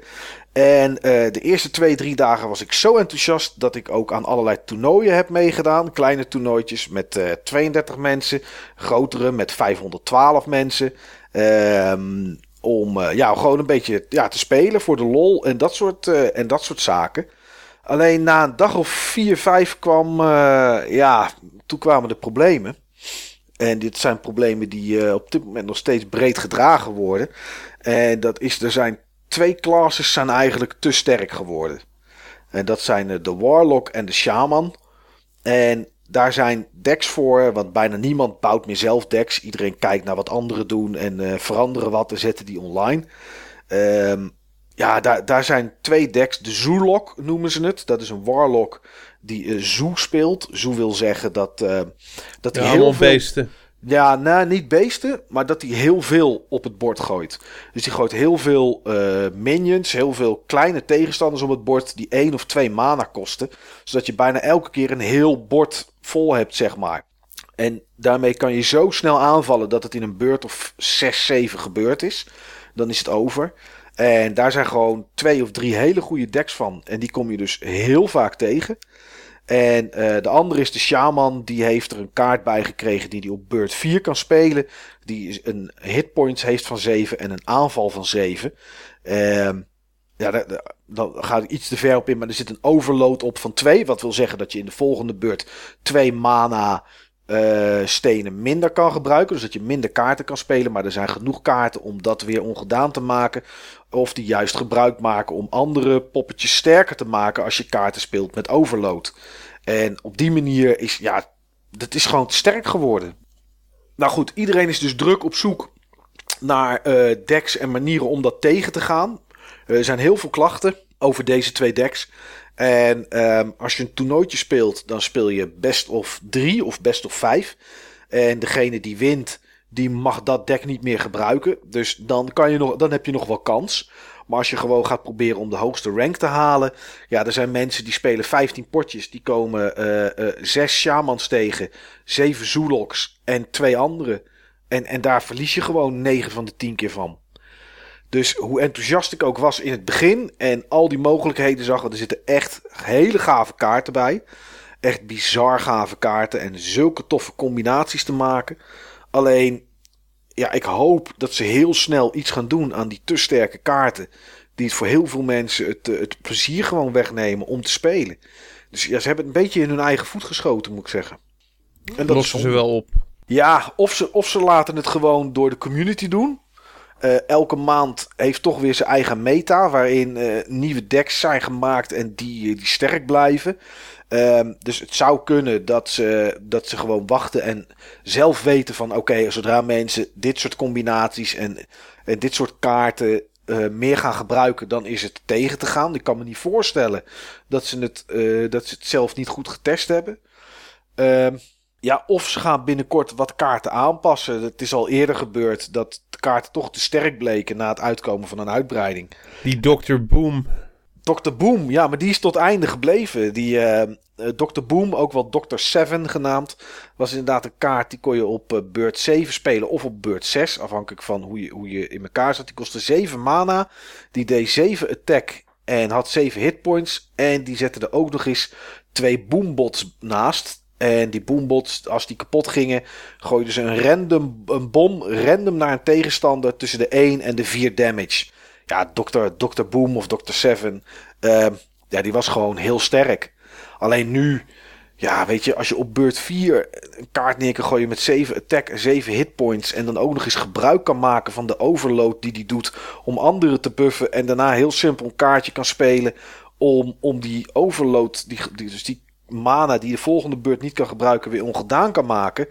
Ja, weet je, dat is gewoon bizar. Dat is echt bizar. En er zijn, zo zijn er nog meer kaarten hoor. Ik bedoel, uh, er zijn genoeg kaarten die, uh, waarvan je denkt, ja, dit is wel echt heel sterk. Maar ja, misschien, uh, ja, misschien laten ze het zo. En denken ze van, nou, los het maar op zelf. En, inmiddels heb ik twee decks die daar redelijk tegen kunnen. Dus het begint langzaam weer iets leuker te worden. Maar het houdt wel in dat ik niks anders kan spelen dan die twee decks. Want ja, dit kom je bijna alleen maar tegen. Dus, uh, maar goed, ik blijf het gewoon... Het is wel leuk dat die game zo in beweging is. Ja, dat is ook. En ik vind het, en dat is echt petje af voor Blizzard. Ik vind het bizar hoe ze elke keer weer met allerlei nieuwe, uh, nieuwe zaken kunnen kopen. Het, het grootste ding wat er nu in deze expansion zit is een Old God. Dat is een legendary kaart en die heet Katoon. En uh, die krijgt iedereen. Dus ook al, uh, ook al heb je geen pakjes gekocht, iedereen krijgt standaard drie pakjes, maar ook heb je geen pakjes gekocht, krijg je in ieder geval Katoon. Dat is een legendary, die krijgt iedereen. En Katoon die kost 10 mana en heeft 6 aanval en 6 hitpoints. Um, op het moment dat je die op het bord gooit, dan verdeelt hij zijn attack over alle andere tegenstanders. Dus dan gaat hij gewoon uh, 6 ballen schieten random van 1 damage op tegenstanders. Alleen door, um, um, door je potje heen kan je kaarten opgooien. Die uh, kan je minions spelen die veel minder kosten. 2 mana, 3 mana en dat soort dingen. En die buffen katoen. En die buffen hem waar die ook is. Dus je hoeft hem niet in je hand te hebben. Als die gewoon nog in je deck zit, kan dat. Gooi jij een kaart op die plus 2 hitpoints en plus 2 attack aan katoen geeft. Dan doet hij dat ook al zit hij nog in je deck. En dan kan het dus best wel zijn dat jij op een gegeven moment een katoen hebt. Die gewoon 21 hitpoints heeft en 21 damage doet. Ja, dus beurt 10 is op dit moment, en er zijn meer kaarten op beurt, beurt 10, uh, is een hele angstige beurt geworden in Hearthstone. Want er kan zomaar een hele, hele, hele dikke kaart opgegooid worden. En daar kan je op voorhand niks tegen doen. Nou goed, en dat soort mechanics die uh, maken het leuk en, en heel spannend omdat het ook random is. Wat katoen aan, uh, aan wie die damage gaat uitdelen. En ja, weet je, het, ik vind het nog steeds, ik vind het gewoon nog steeds een leuke game. Al zit ik wel eventjes, ja, iedereen zit een beetje met die, uh, met die, met die nieuwe aan, met die nieuwe aanwinsten. Ja, met die meta. Voor, uh, ja, die, die meta is gewoon op dit moment is gewoon niet zo, niet zo best. En uh, daar komt onge ongetwijfeld verandering in. En ik blijf gewoon meedoen aan toernooitjes. Uh, soms twee of drie op een dag. Het is gewoon leuk om te doen. Het is gewoon. Uh, en je leert er een hoop van. Dus het is niet zo dat ik over drie jaar, denk ik, op BlizzCon zit. om daar mee te doen voor het tournament bij, bij Blizzard. Maar ehm, ja, ik weet niet. Ik vermaak me er heel erg mee. En daardoor heb ik ook veel minder Dark Souls gespeeld. want dan begint er om zeven uur een toernooitje. En dan blijf je eigenlijk heel de avond hangen om uh, naar anderen te kijken of om zelf nog te spelen, dingen te proberen. Dus uh, ja, daar is mijn tijd een beetje aan opgegaan de laatste, de laatste weken. Toen wij jaren geleden het voor het eerst over Hearthstone hadden, toen zei ik dat ik het jammer vond dat, het, uh, dat er geen fysieke kaartversie van was. Ja. Maar als je nu kijkt hoeveel kaarten er wel niet zijn inmiddels voor, voor Hearthstone. En dat het natuurlijk super fijn is dat een developer gewoon die kaarten kan patchen. En bij iedereen is het dan in één klap geregeld. Ja. Dus bij iedereen zijn al die kaarten gefixt. Dat kan natuurlijk nooit bij Magic the Gathering of uh, Android Netrunner of die fysieke kaartspellen. Dat is wel een, een groot voordeel. Ja, nou ja, als, als ze voor Magic the Gathering in één keer denken van... jeetje, deze kaart is te sterk. Ja, dan krijgen ze die... Ja, of, of ze moeten dan een nieuwe uitbreiding uitbrengen... waarbij een stickertje zit die je eroverheen moet plakken. Maar als iemand het niet doet, dan doet hij het niet. Nee, en, uh, ja, Magic en dit... the Gathering had gewoon veel huisregels op toernooien van welke sets je wel of niet mocht gebruiken, welke kaarten je wel of niet mocht gebruiken. Ja, precies. Dat gebeurt nu natuurlijk niet bij Hearthstone. Nee, bij Hearthstone passen ze gewoon de kaart aan. Dan zeggen ze, we spelen vanaf nu standaard. En deze, want ze hebben echt een hoop kaarten aangepast. Ik denk een stuk of 20, 25. Ja. Die vonden ze te sterk of, of juist iets te slap. Dat kan ook. Uh, met hun, in hun achterhoofd natuurlijk de nieuwe uitbreiding die er nu is. Uh, zij, zij, wisten natuurlijk wat er precies aan ging komen. Ja, ze hebben gewoon uh, een dag of drie, vier voordat die Old Gods uitkwam, hebben ze gewoon die patch doorgedrukt. En toen waren er in één iets van 20, 25 kaarten aangepast. Ja, en, en dan heeft iedereen heeft het inderdaad. Dat is, wel, dat is wel mooi. En inmiddels zijn inderdaad ja, Goblins versus Gnomes en de Grand Tournament en uh, nu die Old Gods hadden allemaal 134 kaarten. En dan Naxxramas en uh, BlackRock, die hadden er een stuk of 23 volgens mij. En dan nog je basis, uh, ik weet niet hoeveel er daarin zitten, en de Classic. ja, weet je, dat zouden heel veel kaarten worden als je dat fysiek zou uitbrengen inderdaad. Ja. Ja, Niels, um, ja, ik, ik weet niet of ik moet vragen of jij nu wat wil vertellen. Of dat je zegt van ik bewaar alles voor in, de game, voor, voor in het hoofdonderwerp van de Game Talk. Ik weet eigenlijk nog niet hoe het hoofdonderwerp er precies uit gaat zien. Dus misschien is het toch wel fijn om deze games in de Game Talk te behandelen. Nou, wat heb je gespeeld? Ik heb uh, twee Star Fox games gespeeld. In het kader van uh, het topic van, uh, van deze aflevering. En de eerste Star Fox, en dat was ook de eerste die ik ging spelen, is Star Fox Zero. Dat is de nieuwe oh, Star voor de Fox. Juist. Ja. Die is net uit. Uh, op het moment van opnemen althans.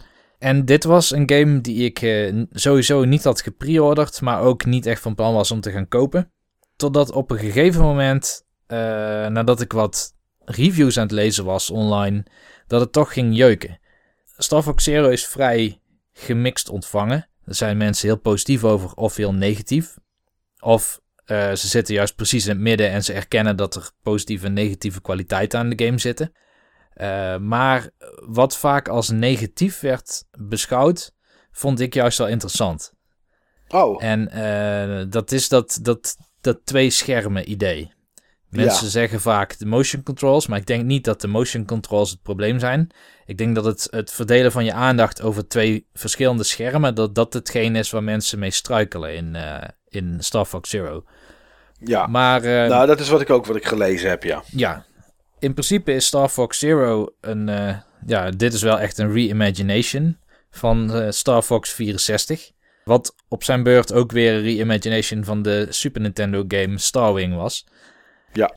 Je komt karakters tegen die je tegenkwam in Star Fox 64. Er zijn missies die gebaseerd zijn op missies in Star Fox 64. Het is niet precies Star Fox 64, want je hebt wel echt nieuwe level layouts. Maar um, zowel esthetisch als wat sommige challenges zijn, die komen wel heel erg in de buurt van wat je kent van het Nintendo 64 deel. Um, en dan zitten er af en toe, waarschijnlijk voor de fans ook, uh, bepaalde verwijzingen naar uh, achtergrond van, uh, van Star Fox. Bijvoorbeeld, sorry, bijvoorbeeld Peppy, dat is dat konijn. die heeft een foto van James McCloud in zijn cockpit hangen. En James McCloud is, is de vader van Fox. Ja. En in uh, 64 staat dat in de handleiding. Oké. Okay. Peppy heeft uh, ooit nog met de vader van Fox uh, gevlogen of zo. Iets in die richting staat er. In ieder geval, die Peppy is schijnbaar een veteraan. In de SNES-versie stond dat nog nergens. Daar was dat nog helemaal geen... Was dat nog niet bedacht? Nee, zeg was maar, dat, nog niet bedacht. Was. Maar deze serie wordt dus nu voor de derde keer opnieuw bedacht. Ja. En dat dan met een hele aparte control scheme. Ja, want ik wilde net vragen, je zei hè, reviews zijn inderdaad negatief, positief en in het midden. Waar zit jij uh, met je gevoel voor deze game? Ik, uh, toen ik begon was ik heel positief. Toen ik de eerste missie speelde, Corneria, wat meestal bij Star Fox games de eerste missie is. Daarna raakte ik een klein beetje gefrustreerd door de, oh. door, niet alleen uh, door de controls, maar vooral door het verdelen van de aandacht over twee schermen. Want je moet je voorstellen dat uh, in principe speel je Star Fox op je televisie zoals je het altijd deed. Dus met je Ja. stickje beweeg je het vliegtuigje ergens heen. En er zitten twee van die reticulen voor. En als je dan met, eh, met je rechter trigger, als je die indrukt, dan, eh, dan schiet je met je laser in die richting. Alleen om extra nauwkeurig te kunnen richten, kun je op je gamepad met hero controls, dus die moet je dan fysiek echt draaien, kun je nog Mhm. subtiel extra mikken. En Oké, maar die worden dus niet geforceerd. Of is het wel geforceerd dat je met je, met je, met je gamepad extra moet mikken? in principe is dat niet geforceerd. Maar het maakt het wel een heel stuk makkelijker als het lukt. Ja, als, als het lukt, ja. ja. als het lukt. Ehm, maar je zal zien dat op een gegeven moment gaat Nintendo jou uitdagen om die gamepad meer te gaan gebruiken. Je hebt bijvoorbeeld bepaalde eindbaasgevechten, waarin op je televisie dan een uh, ja, soort third-person view komt um, vanuit een heel apart aanzichtpunt. Dus mm -hmm. uh, de, de camera zit dan niet meer achter je vliegtuig, maar op een uh, vast punt of die roteert langzaam door een omgeving. En uh, ja, jij bestuurt dan nog steeds met, jou, uh, met, jou, met jouw stick, zeg maar, relatief aan de oriëntatie van het vliegtuig zelf. Maar dat kan dus best het scherm in zijn of het scherm uit of linksaf of rechtsaf. Dat wordt dan best wel lastig te besturen. En Mhm. daar is het dan de bedoeling dat je puur op, op je cockpit, dus met je gamepad, gaat spelen. Dus hoe je het eigenlijk moet zien is, het is alsof je uh, je vliegtuig nog steeds bestuurt op de traditionele manier. Maar er hangt Ja. een soort turret onder, die jij dan met de beweging van jouw gamepad nog eens los daarvan bestuurt. Ik weet niet hoe ik dat vind klinken. Het, het, het klinkt mij in de oren een beetje zo van... ja, we willen iets met die gamepad doen. Ja. Het hoeft standaard niet. Weet je wat? Laten we het op een gegeven moment zo lastig maken... en a- eigenlijk onspeelbaar... als je niet de gamepad gebruikt... door een camera standpunt in één keer heel raar te maken... of langzaam te laten te draaien om, om de scène heen... Ja. zodat je wel moet. Nou, de reden dat ze dat doen is sowieso eh, zie ik vaak het commentaar dat de controls, ja, ze noemen het dan vaak shoehorned aanvoelen. Alsof het er zeg maar in geforceerd is. Ja. Maar als je de developer stories erachter leest, dan was het eerst een prototype wat alleen maar de controls was. En daar is later Star Fox bijgetrokken. Hmm. Dus de, de, het is eigenlijk andersom gebeurd. Er was eerst de besturing en daarna dachten ze, nou, dan kunnen we het misschien wel Star Fox kunnen. Star Fox van maken, ja, oké. En het heeft zeker nadelen. Het is namelijk tamelijk lastig in het begin om, om te wennen aan, eh, aan, aan hoe je die R-Wing bestuurt en hoe je dan mikt. Los van eh, de richting waar je met die R-Wing dan heen vliegt. Maar bijvoorbeeld wat ik net zei met die, met die camera bij die boss fight. Het brengt ook weer nieuwe mogelijkheden met zich mee. Want je ziet namelijk veel meer wat er om jouw vliegtuig heen gebeurt. Je ziet ook Ja. wat er achter je gebeurt. Je ziet dat je achtervolgd wordt door een aantal hittezoekende raketten. Dus dan weet je, nou moet ik een looping maken. Zodat ik Ja, achter die raketten terechtkom en dat ik die raketten wegschiet. En je kan eh, bijvoorbeeld, je hebt sommige eindbazen en die zijn zo ontzettend groot. Daar kun je zeg maar overheen gaan en een soort van bomb runs doen. Dat vind ik dan het leuke van, van die controls. Ehm, nou, er is bijvoorbeeld eh, een alternatieve route in het eerste level, level Canaria. En dan kom je de eindbaas die je normaal tegen zou komen ook weer tegen. Alleen nu zit hij op het water of in het water in plaats van dat hij dan in de lucht hangt. En dat is moeilijker, want in de lucht kun je hem zowel van onderen als boven benaderen. ja. Alleen ehm, als hij in het water ligt, kun je hem alleen maar van boven benaderen.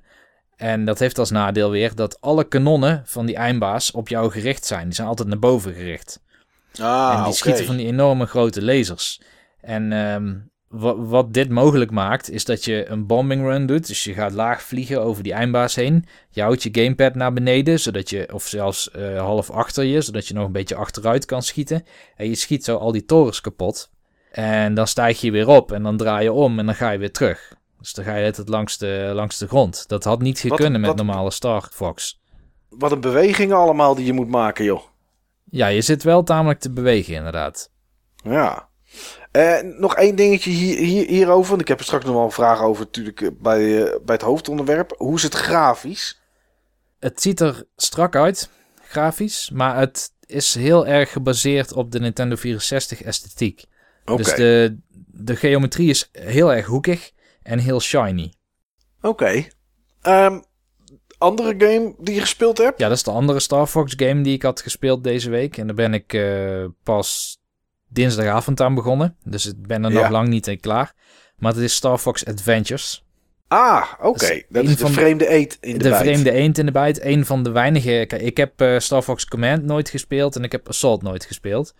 Oké. En deze had ik wel ooit geprobeerd voor een uurtje of zo, maar die heb ik daarna laten liggen omdat ik niet helemaal vrede kon krijgen met het idee dat dit een Star Fox gebrande game was, die eigenlijk meer als een soort niet-canonische spin-off of zo om- overkwam. Ja, Oorspronkelijk was het ook geen Star Fox gebrande game natuurlijk, hè? Dat is inderdaad het achtergrondverhaal bij deze game.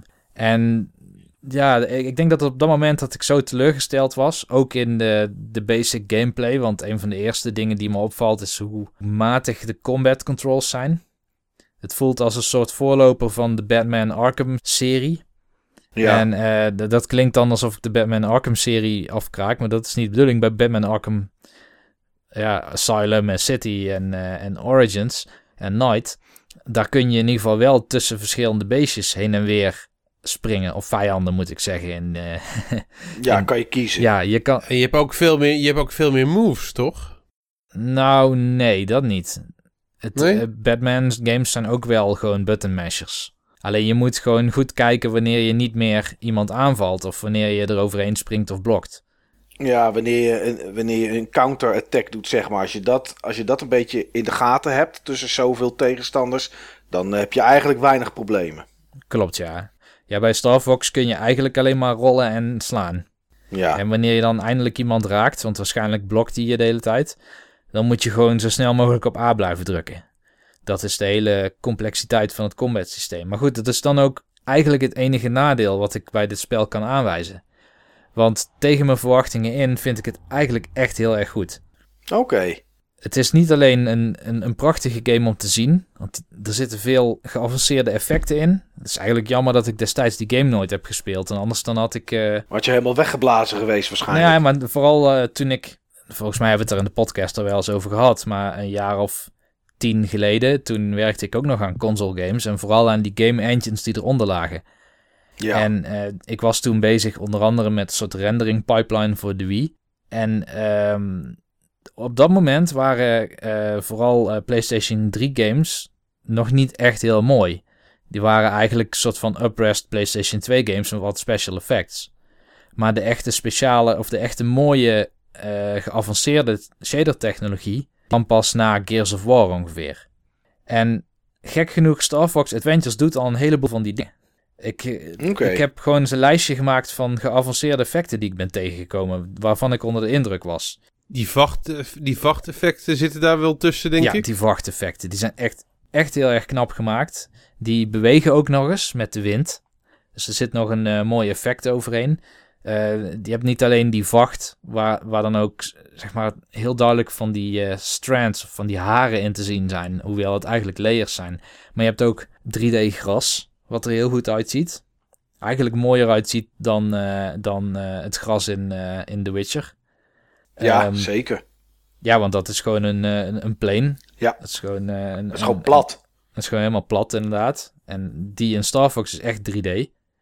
Eh, je hebt die, die dag-nacht-cyclus, maar goed, die kenden we al wel in andere games. Even kijken, wat heb ik meer opgeschreven? Anamorphische lensflares. Nou, die zijn later beroemd gemaakt door Mass Effect. Het zijn zeg maar die uitgestrekte lensflares die je krijgt wanneer je een, eh, een niet-ronde lens gebruikt. Wanneer je gaat filmen of foto's maakt. Ja, waar eh, eh, J.J. Abrams in de, in de films bijvoorbeeld bekend om staat.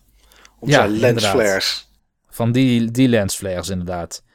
Je hebt eh, volledig geprojecteerde schaduwen. Die kwamen op zich wel wat vaker voor. Alleen die zitten hier niet alleen op Fox, maar ook op andere dingen. Eh, water breekt licht af. Ja, En het water was reflecteert. goed, ja.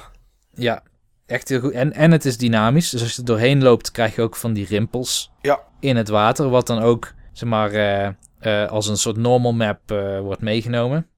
Ook caustics aan de muur. Even kijken nog meer... Kousticks aan de muur. Wat bedoel je daar precies mee? als je onder water eh, bent of boven water bent en je hebt die breking van het licht door Ja. de dichtheid van het water, dan laat dat van die patroontjes achter, zeg maar, op, eh, op de bodem van de zee. Oh, zo. Ja. Je hebt bloom, je hebt dynamische depth of field. Ja. Dus eh, de- als je in gevecht bent met, met vijanden, wordt de achtergrond onscherp en dan wordt Fox heel erg scherp. Maar je hebt ook juist weer scènes waarin bijvoorbeeld een vijand met een kanon op Fox schiet. En Fox staat in de verte en dan heb je Fox scherp, maar de voorgrond weer onscherp. Dat zag je ook nog niet zo vaak in spellen. Nou ja, dat, dat zijn zo een paar dingen die, die me opvielen aan het spel. Die Allemaal, ik echt eh, heel mooi vond. Trucjes van Rare. Want het was Rare die hem, eh, die hem gebouwd heeft. Ja, ja, op basis van een Nintendo 64 game zelfs. Uh, daar heb ik later ook footage van gezien. En voor een Nintendo 64 game zag hij er ook heel erg goed uit. Ja. Maar toch hebben die mensen, ja, dat zijn wel echte techneuten daar bij Rare geweest. Maar goed, dat is allemaal hoe het er grafisch uitziet. Uh, los daarvan vind ik het nog steeds echt een, uh, echt een gaaf spel. Het wordt vaak vergeleken met Zelda. Ik vind het meer een soort Beyond Good and Evil. Ja, of, of, of een soort Darksiders iets misschien. dat kenden we toen nog niet, hè, Beyond Good and Evil. Dat klopt, maar Beyond Good and Evil is wel een soort critical darling... waar Star Fox Adventures dat vaak niet was. Dat werd ook gemixt ontvangen. Uh, ja, Star Fox Adventures, die is eh, best wel uh, verguisd door veel mensen nog steeds op, ja. op YouTube. Ik was in het kader van het hoofdontwerp, was ik weer eens filmpjes gaan kijken van, van Star Fox Adventures. En um, ja, dat was lang niet allemaal positief. Ja. Eerder negatief dan positief. Ik, ik weet niet of ik dat terecht vind. Ja. Nou ja, we gaan het zo nog wel over die game hebben in, in, in het, het hoofdonderwerp. maar je vermaakt je, je vermaakt je er gewoon goed mee dus, Niels. Ja, ik zit nu op 40%. Ik ben zeker wel van plan om het in de komende twee weken nog uit te gaan spelen. Ik denk dat het ook wel te doen is. Zeker wel. Ja. Dat is wel van de andere grote kritieken trouwens die je vaak las, is dat het een uh, collectathon was.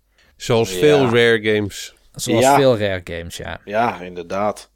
Maar uh, misschien is het, zat het in de tijdsgeest om dat, toen, uh, om dat toen heel erg over te vallen. Maar ik vind het heel erg meevallen. Want meestal heb je alle items al op het moment dat je ze nodig hebt. Want ze liggen gewoon ergens op je pad vaak. Of je hebt ze uit bepaalde kisten al gekregen. Of van plantjes al gekregen. het is niet alsof je er echt voor moet gaan zoeken. Of we zijn tegenwoordig nog erger gewend. En dat het daarom nu wel meevalt. Dat zou ook kunnen, ja. Ja. Maar ja, aan de andere kant, als je kijkt naar Donkey Kong Country en wat daar allemaal te verzamelen was. Uh, In dat derde deel. Ja, ja. Dat, was, dat was natuurlijk ook wel extreem. Dus, nou ja, goed. Dat klopt. Maar dit, dit valt mij in ieder geval heel erg mee. Want ik was erop voorbereid hoor. Om allerlei dingen te moeten gaan zoeken. Ja. En ja, oké, je moet wel zeggen dat als een NPC iets van je nodig heeft. Dan zijn het altijd of drie wortels. Of uh, zes van dit soort dingen. Ja. Dus dat, dat komt wel voor. Maar dat is niet iets waar je dan uh, uh, ja, voor moet gaan grinden of zo. Nee, dan loop je even in de omgeving en slaat twee keer tegen een boom en dan ben je al op de helft. Ja, dat is vrij makkelijk te doen. Ja, ik kan me ook niet heugen dat ik dat gevoel enorm had toen ik de game, uh, toen de game speelde. Maar ja, we gaan het vast nog wel iets meer over adventures hebben in, uh, in het hoofdonderwerp. Vast wel, want uh, ja goed, jij hebt nu niets anders verteld dan Star Fox. Maar uh, ja, dat is ook waar het hoofdonderwerp over gaat. Dus Steve, jij en ik moeten daar maar eens aan bij gaan springen aan deze, aan deze discussie over Star Fox. Eigenlijk zijn we gewoon al met het hoofdonderwerp gestart. Ja, eigenlijk wel een beetje. Dus... Ja, maar ik vind het geen officiële start als er geen muziekje tussen zat. Absoluut. Nou. nee, we waren nog niet met het hoofdonderwerp gestart. Nee, Niels. Maar Niels gaat er nu voor zorgen.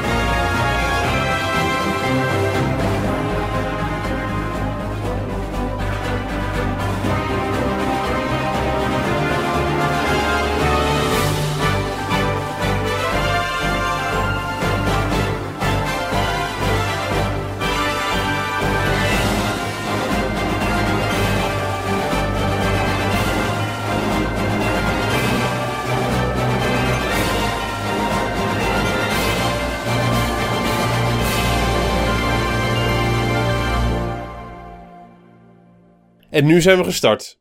Kijk, ja. nu zijn we gestart. Het is officieel. Ja. Niels, Niels, heb je wel eens een Star Fox game gespeeld? oh, mooi. Ja, Star Fox. Uh, van de week kwamen we op dat, uh, vorige week weet ik veel, op dit, uh, dit onderwerp. En um, ja, Steve, wat heb jij met Star Fox? Ja, wat heb ik met Star Fox?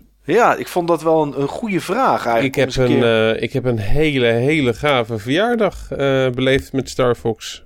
Oh. En was het... Was Star Fox gaaf Eigenlijk of moet was ik de zeggen met, met Star Wing. oh. Star Wing inderdaad. Ja, wat zo heette de eerste, de eerste Star Fox hier. Hè? In Europa inderdaad, ja, vanwege licentie-troubles. Je had in Duitsland een bedrijf dat heette Star Fox. Daarom is het Star Wing genoemd, omdat als het Star Fox heette, dan zou Nintendo wel eens problemen kunnen krijgen met dat bedrijf. Ja. ja, tegenwoordig is het natuurlijk zo als je een naam hebt die, die exact hetzelfde is, maar een totaal ander product in een totaal andere branche, dan is het geen probleem. Maar misschien dat het toen wat eh, gevoeliger lag. Ja, Maar ehm, eh, vertel eens dan, Steve, verjaardag en Starwing. Volgens mij was ik toen 14 geworden. Ja. 14 of 15, ik denk 14. En ehm, ik heb toen Star Wing voor mijn verjaardag eh, gekregen. Oké, in 1993 was dat dan dus. Ja. Is die uitgekomen in 1993? 1993, ja. Dat klopt, toen was ik 14. Ja, oké. En eh, was de verjaardag gaaf omdat je hem kreeg? Of was de game gaaf en werd daarom je verjaardag ineens wat toffer? Allebei. Oké, Allebei. Ik vond het voor die tijd toen echt een heel gaaf spel. Het was heel anders dan je eh, gewend was op, ehm, op de Super Nintendo. Ja. Ehm, ik, vond, eh, ik vond het gewoon echt een, een hele coole game. Oké. En eh, ik heb hem daarna nog wel eens gespeeld. Het is niet echt een game die heel goed oud is geworden. Nee, zeker niet. Maar mijn herinneringen aan die game die zijn voor eeuwig. En die zijn wel, die zijn wel goed oud geworden. Ja, inderdaad. Ja, het was gewoon een, een game die eh, op console zijn, eh, zijn tijd ver vooruit was. Ehm. Eigenlijk was dit eh, Star, Star Fox... Eigenlijk was het heel toepasselijk. Star Fox was eigenlijk Nintendo's ehm, Super Nintendo Neo. Alleen, ja, de ja, Super Alleen was dit dan de Super FX chip die zeg maar in die card zat. Die zeg maar eigenlijk die, die dingen mogelijk maakt die anders niet mogelijk waren. Ja, inderdaad, ja, nu je dat zo zegt. Ja, wel een betere oplossing dan wat ze nu gaan doen. Ja, klopt. Dat- Lang leven cards. Ja, ja. De, de, de roddel gaat trouwens van tot eh, Nintendo met de NX met cards gaat komen. Ja, ja, geen disk inderdaad. Ja, ze hebben daar een hele grote orde geplaatst voor chips. Wat mij eh, ni- niet heel erg zou, ver- zou verbazen als het eh, waar zou blijken te zijn. Want ik, ik verwacht zelf dat het gewoon echt een hybrid is eh, tussen, een, ehm, ja, tussen een console en een handheld. En dan heb je in principe ehm, twee opties. En dat zijn eh, downloads of, eh, of, ja, cards. Ja. Of een combinatie van beide. Maar daar gaat, het, daar gaat dit onderwerp niet over. ben jij na die eerste Star Fox ervaring, eh, slash Starwing ervaring, meer Star Fox games gaan spelen? Ik heb nog een hele goede Star Fox ervaring ehm, gehad. Ja. En dat was zeg maar ehm 64 ehm, op de dag dat hij uitkwam. Oké, 1997 was dat. Ja, ja. Dat was echt wel heel erg gaaf. En die heette hier ook weer anders, hè? Die heette hier Lilat Wars. Die heette hier Light Wars inderdaad. Ja, maar je noemt gewoon Star Fox 64. Ja, is wel het makkelijkst inderdaad. Maar ehm, ja, ik had die eh, Big Box met die Rumble Pack erbij. Ja. Ja, dat vond ik wel gaaf hoor. ja, dat was natuurlijk wel een, een beleving. zo werd hij ook gemarket, hè? Met eh, de Rumble Pack erbij. Als Ja, toen, eh, eh, om, om, om, het, om hem zo te verkopen in plaats van alleen los, zonder Nou, Rumble dat, het ging ook echt om die Rumble Pack toen. Maar Oké. De Rumble Pack werd met Star Fox, ja, met Lilith Wars in ons geval dan eh gemarket als, als de nieuwe, ja, nieuwe next-gen ervaring, zullen we maar zeggen. Ja, ik, vond, ik vond het wel cool. Ik, ehm, je, je kende dat nog niet. Een controller die ging trillen. En Nee. het, ja, de- het was ook best wel een heftige vibratie die erin zat. Ja, het was ook best een behoorlijk pack. Het was ook best wel een behoorlijk eh, ding inderdaad. Ja, wat, wat onder die er controller, wat onder Ja. die controller eh, hing. En eh, ik vond het ook een spel wat zich heel goed leende voor de, voor de stijl van de Nintendo 64 en voor de eh, gameplay die mogelijk werd gemaakt met de Nintendo 64 controller. Ja, Ja, Ehm, nee, is, is, is inderdaad zo. ja, en eh, ja, daar heb ik echt van, eh, van genoten van, eh, van die game. Werkte natuurlijk allemaal veel beter. Ja. Had, je, had je een soort van... eh, dat hoef je vandaag ook niet meer... eh, zeg maar, positief naar terug te kijken. Maar had je een soort van uh, frame rate in plaats van frame rate 0. Die ja. bij die eerste Star Fox had. En um, ja, het, het zag er in ieder geval goed uit. Ja, Oké, nou, ik, gaan we ik vond die game ook wat minder blurry dan ik gewend ben van Nintendo 64. Van Nintendo 64, oké. De, bekende uh, Vision, of hoe noemen ze het, wat is het ook alweer? Ja, ik noem Vision. Ik noem het Vision, maar... Ja. Volgens mij heb je ook twee verschillende resoluties die vaak werden gebruikt. En gebruikt Star Fox daar dan de, ja, de, de degelijke van. Je hebt één echt schandalig lage resolutie van 288p of zo. Oké. En die werd heel vaak gebruikt bij Nintendo 64. Dat is wel heel erg laag inderdaad. Um, Niels, anders dan uh, Star Fox Zero en, uh, en Adventures die je nu gespeeld hebt. Uh, wat, is, wat is jouw Star Fox gevoel? Heb, ja, wat, wat heb jij ermee voor de rest? Ik had er eigenlijk bijna niks mee. Ik heb nooit Star Fox gehad. Ik denk dat de eerste die ik zelf heb gekocht was die op de 3DS. Star Fox 64, 64 3D. 3D. ja. Dus ik ben retroactief weer andere Star Fox games gaan doen. Oké. Ehm, en had je voor Star Fox 64 3D ook nog nooit de Star Fox gespeeld? Jawel, ik had 64 wel eens gespeeld, of Light Wars. Die had ik geleend van een vriend van mij. Ja. Die had ook die big box waar Steven het net over had. En dat vond ik wel een leuke game. Maar ja, als ik hem leende, dan kon ik hem twee keer uitspelen en dezelfde dag nog teruggeven. Dus ik vond het een vrij korte game. Het was ook een dure game, zoals ik me herinner. Ik dacht van ja, deze leen ik wel als ik hem uh, vaker wil gaan spelen. Ja. Dus ik zag de noodzaak niet zo in om hem uh, zelf te hebben. Ik vond het ook wel, ik vond het zeker wel een echt een leuke game om te doen. Uh, echt zo'n arcade game met veel herspeelbaarheid. Maar ik had nog geen ja, band met de IP, zullen we maar zeggen. Nee. Dat heb ik ook nooit echt gehad. Heb ik nu nog steeds ook niet echt. Want sommige mensen die zijn echt, die voelen zich heel erg aangetrokken door, door het Star Fox IP. En die maken zich ook dan ook druk om elke game die dan iets anders doet dan wat de vorige games deden. We hebben ze op het forum zitten. We, we, hebben ze op het forum zitten. Maar ja, die hebben achteraf dan weer wel gelijk met Star Fox Adventures dat het een hele coole game is. Ja. Dus misschien, uh, misschien hebben ze toch ergens wel een punt met een, uh, met een Star Fox. Maar het eerste deel, Star Wing, heb ik, voor, uh, heb ik voor het eerst gespeeld op die competition cartridge van Steve. Ja. Die, ja, wat is het? Een repro. Ik heb een repro hoor. Ja, ja dat, dat geloof ik. Want volgens mij hebben heel weinig mensen de echte cartridge. Maar dat was de eerste keer dat ik uh, Star ik ken, Ook daarvan ken ik er zat van. Die die, die, die kaart hebben. Maar uh, ja, het verhaal gaat tot die zeldzaam is. Ja.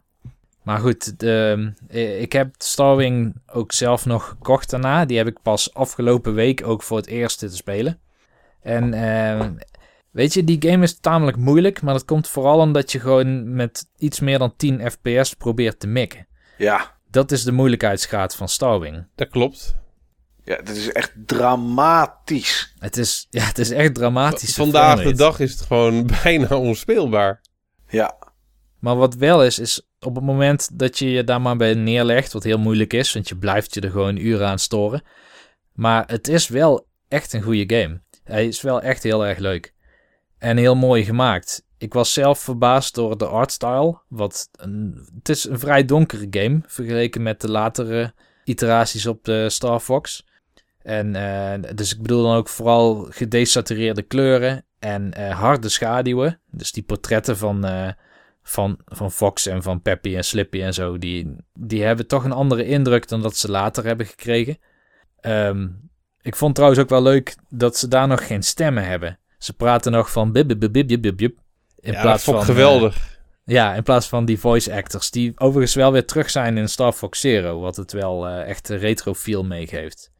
Maar uh, ja, ik heb één keer een pad doorlopen met uh, Starwing. Ik vond het een mooie game om te spelen, maar het is niet een game die ik vaker ga spelen, denk ik. Misschien dat ik hem ooit nog een keer opstart. Ja. Maar Star Fox 64 3D, die heb ik denk ik wel vier keer uitgespeeld. Nadat ik überhaupt op de N64 de game ook meerdere malen heb uitgespeeld. Kijk, die games met die, die wel framerate hebben, die, uh, die blijven voor mij wel heel speelbaar. Mm, Oké. Ja, ik, ik zelf heb Star Fox Adventures gespeeld. Ik heb Star Fox gespeeld, Star Fox 64 gespeeld. Ik heb ook even Star Fox 64 3D gespeeld. En ik vind er echt helemaal niks aan. En dan zeg ik het nog heel netjes. Heel netjes. Ja, Star Maar geen enkele, ook niet Adventures. Adventures wel. Een hele andere game. Nee, het Star Fox Adventures vind ik super tof. En die heb ik eh ten tijde van de GameCube eh 2012, nee, 2002 bedoel ik, kwam dat ding uit. Eh, ik denk dat ik hem 2002 of 2003 heb gespeeld en uitgespeeld heb. Ehm, oh, dat vond ik echt een hele toffe game. Maar die gameplay van Star Fox, ja, die kan me echt gestolen worden, joh. Verschrikkelijk. Ik, ik heb ook nooit eh, Space Harrier tof gevonden. Ja, en dit is voor mij precies... Dragoon dan ook niet, denk ik. Nee, ook niet. Of Raz. Nee. En dit is voor mij precies hetzelfde. Het is gameplay waar ik helemaal niks mee heb. Ehm, ik hou ook, ook eh, totaal niet van games eh, met eh, bijvoorbeeld eh, de, de, de, de, de hele Ace Combat reeks bijvoorbeeld. Vind ik ook niks. Eh, eh, Red Baron op de Xbox, de allereerste, was zo'n veelgespeelde titel ehm, om- van die dogfight, zeg maar. Al dat soort spul, ik vind er niks aan.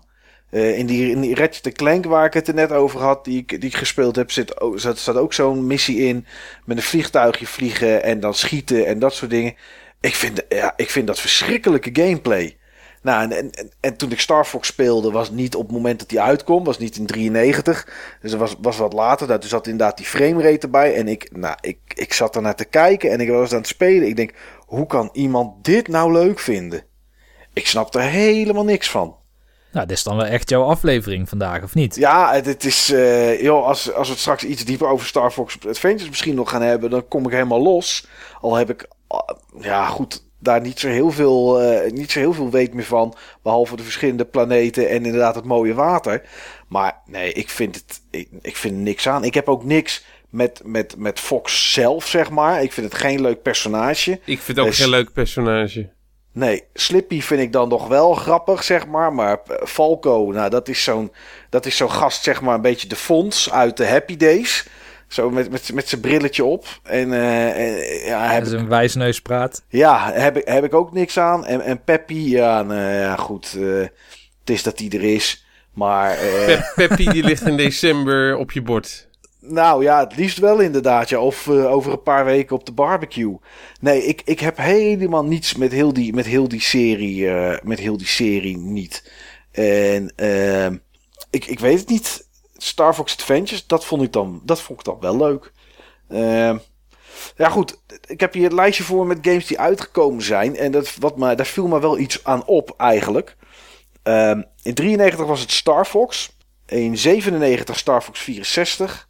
2002 Star Fox Avengers. Ehm, die voor de Cube. In 2005 was het Star Fox Assault voor de Gamecube.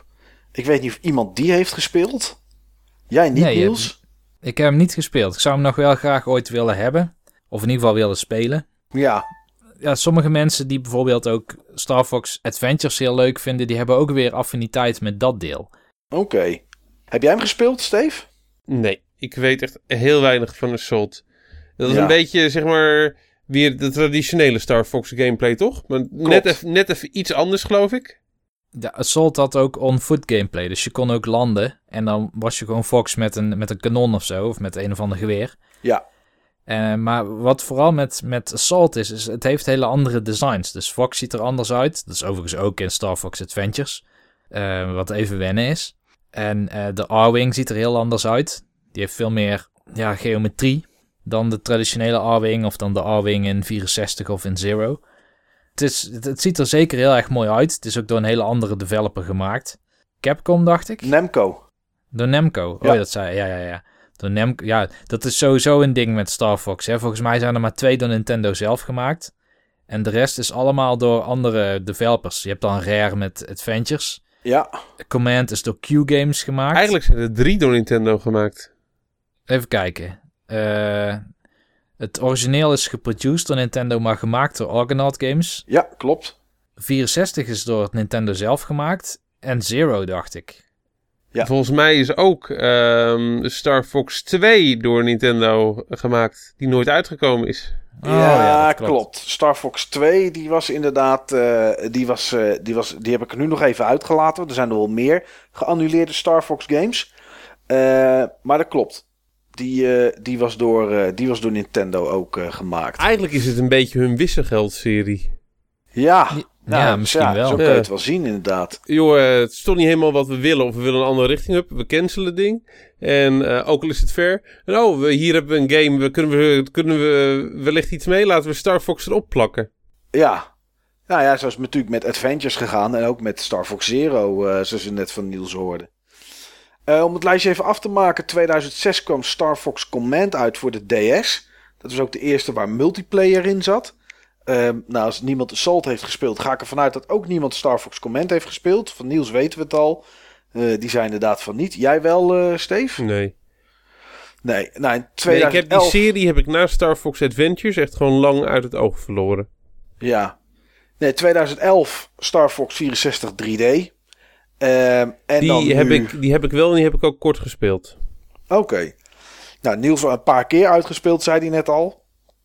Ja, die is ook echt heel mooi hoor. Dat is echt een van de mooiste 3D games om te zien. Als je je 3D slider überhaupt aanzet. Ja, ja, qua 3D effect zeg maar. Uh... Ja, maar ook qua belichting en zo. Is echt heel goed gedaan. Dat is een van de games die het meeste baat had bij een uh, 3DS XL. En is ook een van de games die het meest baat heeft bij de nieuw 3DS XL. Oké omdat die 3D inderdaad gewoon heel goed is. En het, het, het mesht gewoon echt heel erg goed met de, met de gameplay. Um, ja, en, en de manier hoe je toch al eh, die, die game speelt. Klaarblijkelijk gewoon zo'n on-rails 3D-game werkt gewoon goed met, uh, met die 3D-effecten samen. Ja, nou ja, misschien een beetje hetzelfde als bij Kid Icarus, waar jij het laatst over had, Niels. Die heeft natuurlijk ook uh, van, die, van die vliegen in de, in de diepte missies, zeg maar, om het zo te noemen. Mm uh, dat zag er voor de rest volgens mij ook heel goed uit, toch? Ja, zeker. Is ja. echt, ja. Uh, 2016, wat het nu is, is Star Fox Zero en Star Fox Guard. Guard krijg je volgens mij bij Zero, of niet, Niels? Ja, als je die First Print Edition hebt gekocht. Ja. ik heb de normale. Ah, oké. Dus ik heb geen Guard. Ik heb ook niet zoveel interesse, eerlijk gezegd. Wat is dat Guard nou eigenlijk precies? Uh, Guard is een van die prototypes die Miyamoto een jaar of twee geleden op E3 liet zien. Waarin je heel veel verschillende camera's hebt op je televisie. En op je gamepad kun je dan switchen tussen camera. En kun je schieten op robotjes die proberen een soort basis in te dringen. Dus oh, eerst heb je een basis, dan plaats je de camera's. Dan komen de robots aan als een soort tower defense. Ja, ik heb het toen gezien inderdaad, ja. Ja. Um, nou goed, er zijn nog een aantal gecancelde Star, uh, Star Fox games. Star Fox 2, dat uh, haalde jij net al aan, uh, Steve. Ja, overigens wel leuk. In Star Fox 2 zat bijvoorbeeld zo'n Walker. En die zit nu ook in Zero. Oké. Nou, die was helemaal klaar, de game. Ehm, maar ja, toch werd die, werd die geannuleerd. Een aantal ideeën zijn overgegaan naar Star Fox 64. Ehm, er is een Star Fox in de maak geweest voor de Virtual Boy. En uh, er was eerst een tech demo en dat zou dan een Star Fox Games, worden, uh, Star Fox Games worden voor de Virtual Boy. Uh, maar dat ja, is niet doorgegaan. Iets wat er wel op schijnt, scheen te lijken was Red Alarm. Maar dat is een game die mij echt helemaal... Uh, ja, die heb ik op de GDC een keer gespeeld. Oké. Ik kan me niet meer herinneren of dat die nou third person was of first person. Maar het is een beetje verwarrend om die game te spelen omdat alles draadmodellen zijn. Oh, oké. Ja, dan wordt het al gauw, uh, gauw verwarrend. Um, Dinosaur Planet. Dat was ooit een game die voor de 64 zou uitkomen door Rare. Maar die is dus overgegaan in Star Fox Adventures. Er zou ook een Star Fox arcade game komen. En uh, dat zou eigenlijk een companion game zijn van Star Fox Assault. Maar ja, dat is gewoon uh, voor de rest nooit afgemaakt. En, ja, eh, ik heb zitten kijken, maar het enige wat ik kon vinden was: The reasons are unknown. Dus waarom dat nooit is doorgegaan, uh, uh, geen idee. Het zou mij niet verbazen als er alsnog een keer een arcade game komt van Star Fox en dan gebaseerd op Zero. Ja, dat zou natuurlijk kunnen. Um, twee andere titeltjes. Nou, Star Fox Guard hebben we het net al gehad als spin-off. En er is ook een Star Fox geweest voor de Nelsonic Game Watch. Het zegt mij helemaal niets. Uh, totdat ik erover ging lezen en het blijkt dat dat een team-up was van, uh, van Kellogg's en van Nelsonic. En ja, die zouden in een grote doos met cornflakes hebben ze, die, uh, hebben ze een Star Fox Watch gedaan, gratis. En er zaten vier leveltjes in en ja, je moest dan ook vliegen. ik heb en, wel eens zo'n watch gezien. Oké. in plastic. Ja? Dus niet speelbaar of zo, maar ik heb wel eens gezien. Oké. nou, Is dat dan een LCD-spelletje? Dat is een ja, LCD-spelletje. een LCD-spelletje, ja. Oké. Ja, dus die, eh, die, zijn er, eh, die, is- die is er ook nog geweest. Maar wat mij opviel, hè, als je naar dat lijstje kijkt: 93, 97, 2002 en dan 2005, 2006. Ja, je mag 2011 wel of niet meerekenen, maar ik neem hem even niet mee als waar in de 3D-versie uitkwam, omdat het toch gewoon eigenlijk een remake, eh, een remaster make is. Ehm, en als je dan 2016, dan valt me op dat voor iets wat in mijn gevoel vrij populair is, eh, Star Fox, dat Nintendo daar niet meer mee doet, jongens. Het, ik vind het best weinig. Want tussen Ja. de laatste Star Fox voor de console 2005 en, ehm, en die van nu, daar zit gewoon, er zit gewoon 11 jaar tussen. Nu je het zegt, dat is best wel lang. Ja, op, op de Wii is er gewoon helemaal niets geweest. Terwijl een Kirby en een Mario, is Mario wel net even een stapje hoger, maar een Kirby, een, een, een, een, een, een Wario in welke vorm dan ook, met zijn met minigames of wat dan ook, eh, dat, ja, dat, is, dat is er wel eigenlijk gewoon regelmatig geweest. Maar Star Fox, en er zijn nog wel meer reeksen die je daar natuurlijk onder kan scharen, maar zelfs eh, Metroid had op de, op de Wii een game. Maar Star Fox heeft gewoon voor de thuisconsole gewoon zes, eh, elf jaar lang bedoel ik stilgelegen. Dat is best lang toch?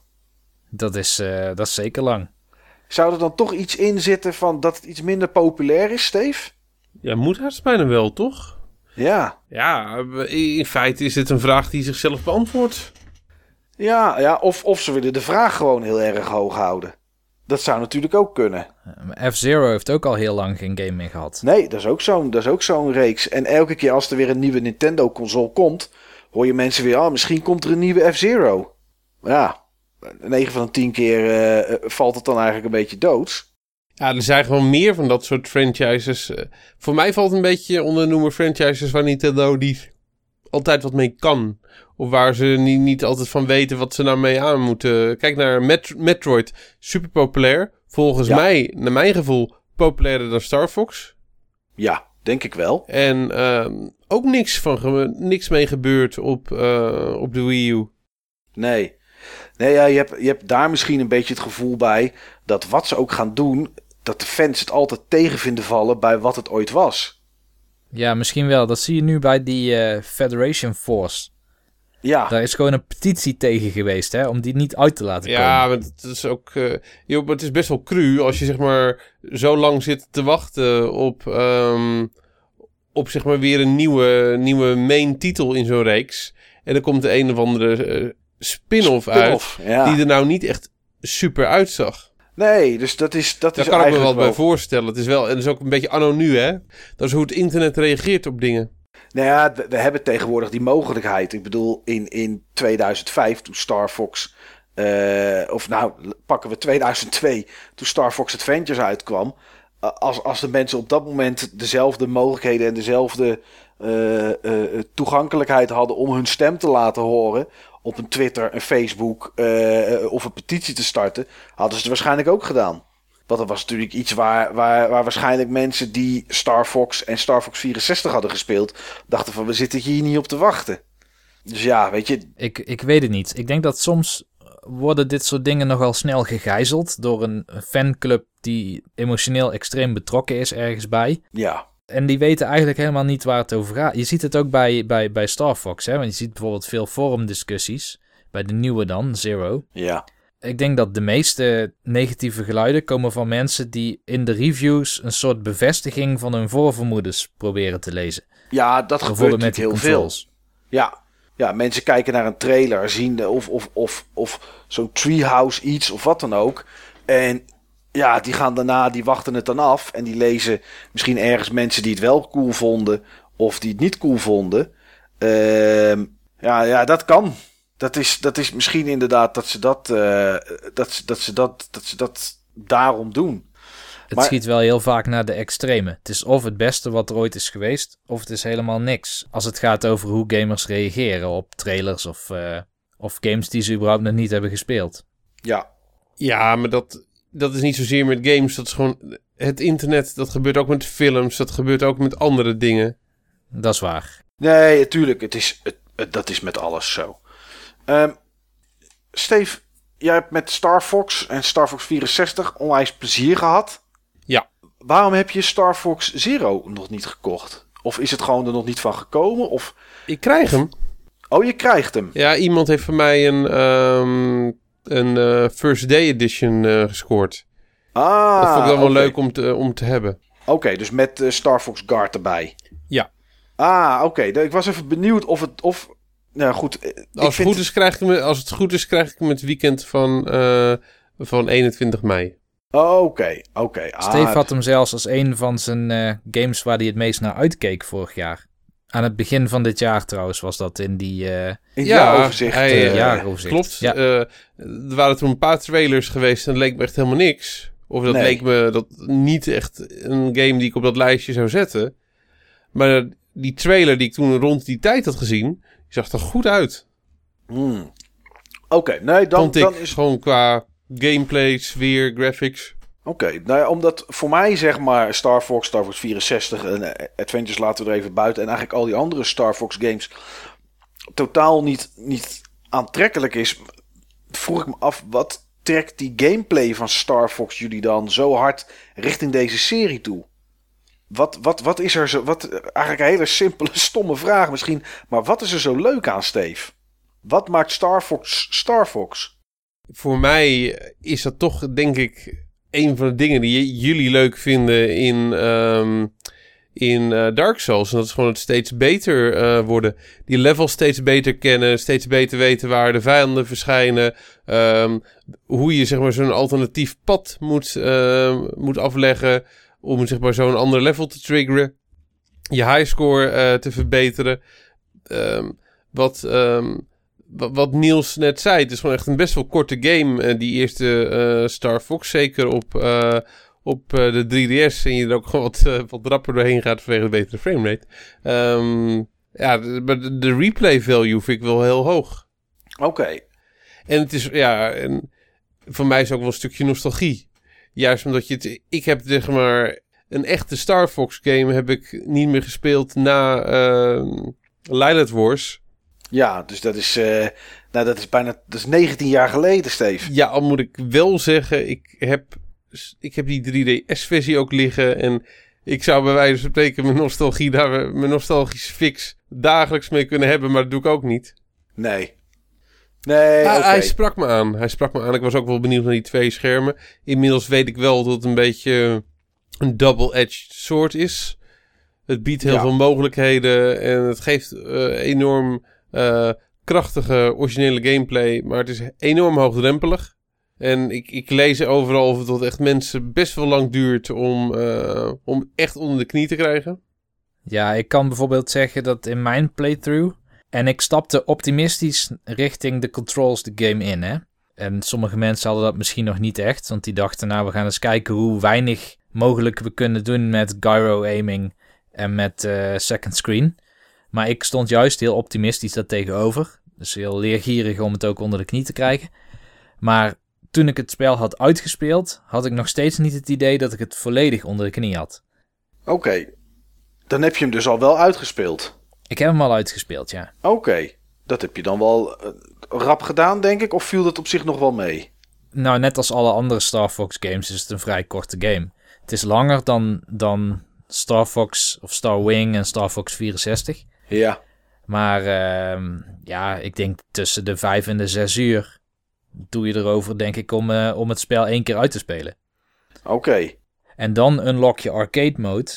En dat is de Star Fox die we kennen. Dan heb je geen continues, heb je gewoon één leven. En uh, je begint in Corneria. En na Corneria kun je kiezen. Wil je, ik noem maar wat, sector uh, Alpha in? Of ga je door de wat is het, meteorietengordel of zoiets. En dat kan niet in, in, in, in de, je eerste playthrough. Maar ja, dan wordt het de Star Fox die we kennen. Hmm. En dan wordt hij echt lastig. Oké. Echt lastig. Wat, wat, wat trekt jou in die gameplay dan aan, Niels? Dat je, goed, je, je hebt natuurlijk nooit Star Fox en Star Fox 64 destijds gespeeld. Maar Jawel, die heb ik destijds wel Oh gespeeld. ja, 64 maar- had je geleend inderdaad, zei je. Ja. Ja. Maar wat is, wat, is die, wat is in die gameplay trick jou zo aan? Wat maakt het voor jou zo leuk? Ehm, in ieder geval wat het toen voor mij zo leuk maakte, dus in die tijd, was dat het een eh, soort shoot'em up was die ik wel kon. Ja. Het was heel toegankelijk. Dat kunnen we eigenlijk niet zeggen van Zero. Maar eh 64 was absoluut een hele toegankelijke space shooter. Ehm, die ook narratief wat leuker aangekleed is dan, dan de typische shoot'em up die je vaak zag, zoals R-Type. Het was zeker wel ehm, laagdrempelig, maar je moest dat 3D ook wel leren. Hè? We waren toen nog niet gewend aan 3D. Ik was niet gewend aan 3D. Dat is waar. En eh, nu, het, nu ik dan toch terugdenk aan het moment en, eh, en aan het spelen van, eh, van twee van die Space Shoot Star Fox games afgelopen week. Wat toen heel lastig was, en dat heeft Star Fox Zero wel gefixt. Zo, ik ga wel, ga ik gewoon heel Ja, ik wou net Amerikaans. zeggen, je gaat helemaal eh, de Amerikaanse kant op. Ja. Wat het wel heeft gefixt. Kijk, als je in Star Fox 64 en in de 3DS remake, als jij gaat richten op een, op een vijand, dan beweeg je ook automatisch die kant op. Want jouw, het, het stickje richt zowel als dat het jouw vliegtuig beweegt. Ja. En dat is nu losgekoppeld. Oké, dus je hebt eh, net zoals bij een first-person shooter of wat dan ook, je hebt één stick om te lopen en die andere om te richten. Ja, inderdaad. En dat verandert echt heel erg veel. Want Ik wou net zeggen, dat is best een grote verandering voor. eh, ik weet niet hoe het bij Assault zat. dat weet Of ik ook dat- niet. Of dat daar. Ik denk dat, je eh, daar, dat het daar net zoals in 64 is en Starwing. Ja, dat zou. Ik kan het niet met zekerheid zeggen, maar wat ik gelezen en gehoord heb, is dit de eerste game die dat heeft. Door dat loskoppelen van die schermen. Ja. Ja. ja. de GameCube controller had natuurlijk wel twee sticks. Links en, eh, links, links en rechts. Dus in theorie zou dat gekund hebben. Maar ja, goed. Nou, wat je niet kon in Star Fox 64 zijn die bomb runs die ik bijvoorbeeld beschreef. Ja. Of ehm, wat je bijvoorbeeld ook hebt, is dat doe je in het eerste level in Corneria al. Er komen een soort van spinnen komen uit containers. En die lopen naar een eh, zeg maar HQ waar die General Pepper, die hond die elke keer een missie geeft, in zit. Oh ja. En die kruipen op dat gebouw op de zijkant. Eh, nou, in de andere Star Fox games had je de hele tijd U-turns moeten maken. En opnieuw naar dat gebouw moeten kijken om die dingen eraf te schieten. Maar hier kun je er gewoon omheen vliegen. En tegelijkertijd met je, eh, ja, met je, met je gamepad, met je turret zullen we maar zeggen. eh, de hele tijd richting die toren blijven kijken en blijven schieten. Dat kon natuurlijk voorheen niet. Nee. Als je een vijand had gemist, dan had je hem gemist. Je kan ook niet helemaal Dan kon je, dan kon je je 360 graden high hier, score maar- vergeten. En wat het dan ook leuk maakt trouwens, want dat brengt me ook wel weer iets naar eh, het gevoel wat Star Fox Zero geeft. En wat ik meer heb dan in, in de voorgaande delen, is het heeft een bijna het ultieme Star Wars dogfight gevoel. Oké. Op het moment dat jij eh, de- dat je echt om je heen kan kijken, terwijl je eh, bijvoorbeeld Star Wolf achtervolgt, of dat je achtervolgd wordt door Star Wolf. Ik heb daar trouwens echt zo'n episch moment meegemaakt in Star Fox Zero. Eh, het, is, het is niet echt een spoiler, maar je hebt een soort, je hebt een soort Dead Star-achtig eh, planeet. Oké, heb je dat je ook echt zo'n- ook tussen soort van die, van die, van die ja, loopgraafachtige dingen Precies. doorvliegt, zeg maar. Oké. Ja, en de- dat ging ik dus doen. En eh, toen achtervolgde Star Fox of eh, Star Wolf mij daar. En dan krijg je echt zo'n heel intens ja, dogfight in, in zo'n tunnel. Dat is iets wat ik niet eerder had meegemaakt in een Star Fox game of in een Star Wars game. Maar die, die, die ultieme vrijheid die je hebt door, door het loskoppelen van die schermen heeft dus wel als voordeel dat dingen heel intens beleefd worden. Ja, dat is, ah, dat is wel een behoorlijke verandering dan. Ja, het voelt meer als een. eh, als, als, en ik was Een vroeger fan van. Ja, maar het voelt ook meer als een soort flight simulator. Als zo'n dogfight spel. eh, dat je vroeger op eh 486 PC zat. Ja, precies. Nou, dan weet ik zeker dat ik het niet moet spelen. Ja, Oh, dat- ja, dat, ja, goed, dan weet je alles met een vliegtuig. Het is hetzelfde dat ik een hekel heb aan elke film of serie met een onderzeeër. Vraag me niet waarom. Maar eh, Hunt voor Red Oktober en, en, en, en, en dat soort films allemaal vind ik verschrikkelijk als het met een onderzeeër is. ja. Dus eh, ja, dat heb ik hier dan toch een beetje hetzelfde, denk ik, eh, bij. Ja, dit, ja het, is, dit is gewoon een soort Ik gameplay. dacht het al inderdaad, ja, geen eh, Hunt for Red Oktober en geen barrel rolls voor Mike. Dus Nee, zeker niet. Heb je wel eens Duo Barrel Roll gegoogeld?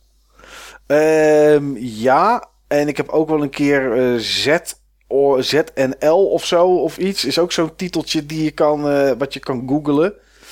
Uh, heb ik wel eens gedaan. Twice of zoiets was het, dacht ik, dat je dan moest ja. googlen. Ja, ja, ja. Dus dat is... Uh, nee, dat heb ik wel eens, dat heb ik wel eens gedaan, Niels. Dat is wel grappig, want de barrel roll in echte vliegtuigtermen is een andere move dan wat Star Fox ermee doet. Wat is het in echte vliegtuigtermen dan? Ja, ik heb dat ooit moeten leren in, het, uh, in de Flight Simulator Flight Unlimited. Bij, bij Star Fox draai jij om, om, je as heen. om je as heen. Ja. Maar dat is niet wat het is. Ik kan me even niet direct herinneren wat het was. Ik ga het ook niet opzoeken, want dan crasht mijn MacBook, net als de vorige keer. maar het, uh, het is iets anders. Oh, oké. Okay. Nou, dat is dan uh, dat is goed, om, goed om te horen. Um, weten, weten, we eigenlijk, uh, weten we eigenlijk nog niks. Ik heb hem uh, eventjes opgezocht voor je. Een barrel roll is een soort met... het, is een, het is een move waarin je zeg maar begint in een... Vanuit, je moet, vanuit een denkbeeldige koker in de midden. En waarbij in een vloeiende beweging eigenlijk alle vier de kanten van de koker uh, raakt. Ja, dit doet in ieder geval een goed beroep op het verbeeldingsvermogen van onze luisteraars. Oh, ik zie het inderdaad, ja. Ik zie, zie het hier... voor je of zie je het? Nee, ik, ik zie een plaatje. En wat hij eigenlijk doet, is je vliegt gewoon de, iedereen thuis en in de auto. Doe maar even je hand voor je. Uh, en dan, dan doe je je hand vooruit, dan vlieg je. en dan ga je uh, de, als je je rechterhand pakt, dan doe je je duim naar links naar beneden. En dan maak je eigenlijk een, een koprol in de lucht. Uh, terwijl, je, terwijl, je, terwijl je door blijft vliegen of zo. Je gaat een beetje schuin omhoog. En dan draai je en dan ga je weer naar beneden. En dan 360 graden doe je de. Ja. Het lukt me ook niet om het goed, om het goed Het is in ieder geval niet om je as te draaien. Nee, nee, dus het, is, niet, het, is, het is niet om ja, je als je, er, als je er twee of drie achter elkaar zou hebben, ik denk dat dat nog de beste omschrijving is, is dat wat bij de Python zeg maar een kurkentrekker is. Het is een beetje een soort kurkentrekkerbeweging, maar dan oh, ja, ja. Één, één keer. Je gaat één keer zo over de kop, in een soort van, van, van, van looping iets. En dat is inderdaad dan die barrel roll. Jeetje, dat is wel lastig uit te leggen. Ik snap wel dat ze een... Uh, ja. Dan kun je hem niet gewoon even voordoen en met je webcam opnemen. Ja, nou, er staat hier: de barrel roll was originally, originally called a side somersault. Maar dat zegt waarschijnlijk heel veel mensen ook niks. Nou, uh, het is in ieder geval een lastig iets. Het is een lastig iets, inderdaad. Ja, ja. Maar uh, ja, ik wilde nog even aanstippen dat dit een samenwerking was met Platinum Games. En dat heeft ook mijn interesse gepiekt. En, en, en merk je daar iets van? Ik bedoel, uh, is er iets dat je denkt van ja, dit is, dit is typisch Platinum? Uh, je merkt het denk ik in twee dingen. Sowieso, de game voelt heel erg aan als 64, Star Fox 64. Dus het level design is echt van Nintendo, heb ik het idee. Ja. Ik denk niet dat uh, Platinum Games daar iets mee te maken heeft gehad. Um, maar de, de, de art direction bij cutscenes is heel erg Platinum Games. Dus als er een, uh, een, een A-Wing langs de camera vliegt, dan, dan krijg je heel kort vertraging. Zodat je bijvoorbeeld Peppy ziet zitten in die A-Wing. En dan gaat hij weer verder met screen shake. Met dat het hele scherm meeschudt. Dat is echt een, een, Platinum Games art direction ding. Ja. Um, en bazen hebben wel die typische Platinum Games lompheid. Dus echt okay. over de top qua dikke laserstralen die er op je afkomen. Uh, wat, wat ook nog een leuk ding is trouwens, op het moment dat je in een dogfight zit met, met bijvoorbeeld een van die uh, handlangers van, van Star Wolf. En je gaat vlak langs een andere R-Wing of een ander uh, vliegtuig. Dan vertraagt het spel kort. En dan kijken ze elkaar aan en dan, dan zeggen ze ook iets tegen elkaar. Oh, oké. Zo'n heel cinematisch trucje. Ja, ja, ja, ja. Is, is trouwens, en dit gaat echt als een hele domme vraag klinken, jongens. Maar ja, goed, ik, ik kan niet anders. Is Star Wolf altijd in elke game de rivaal geweest van, van Star Fox? Niet in de eerste. Oké, okay, toen bestond nee. er nog geen Star Wolf. Volgens mij is Star Wolf geïntroduceerd in Star Fox 2. Oké. Okay. Ik, vroeg het me, ja, ik vroeg het me eigenlijk gewoon af, omdat ik echt geen flauw idee heb natuurlijk van, van de hele Star Fox uh, lore. Want ik weet niet, is, is zover jullie weten, is daar heel veel lore van, of niet, van Star Fox. Ik heb wel, er zijn wel eh, eh, strips van en anime en weet ik wat allemaal. Is dat zo, joh? Dan zeg je van mij nieuwe dingen, dat wist Ja. ik niet.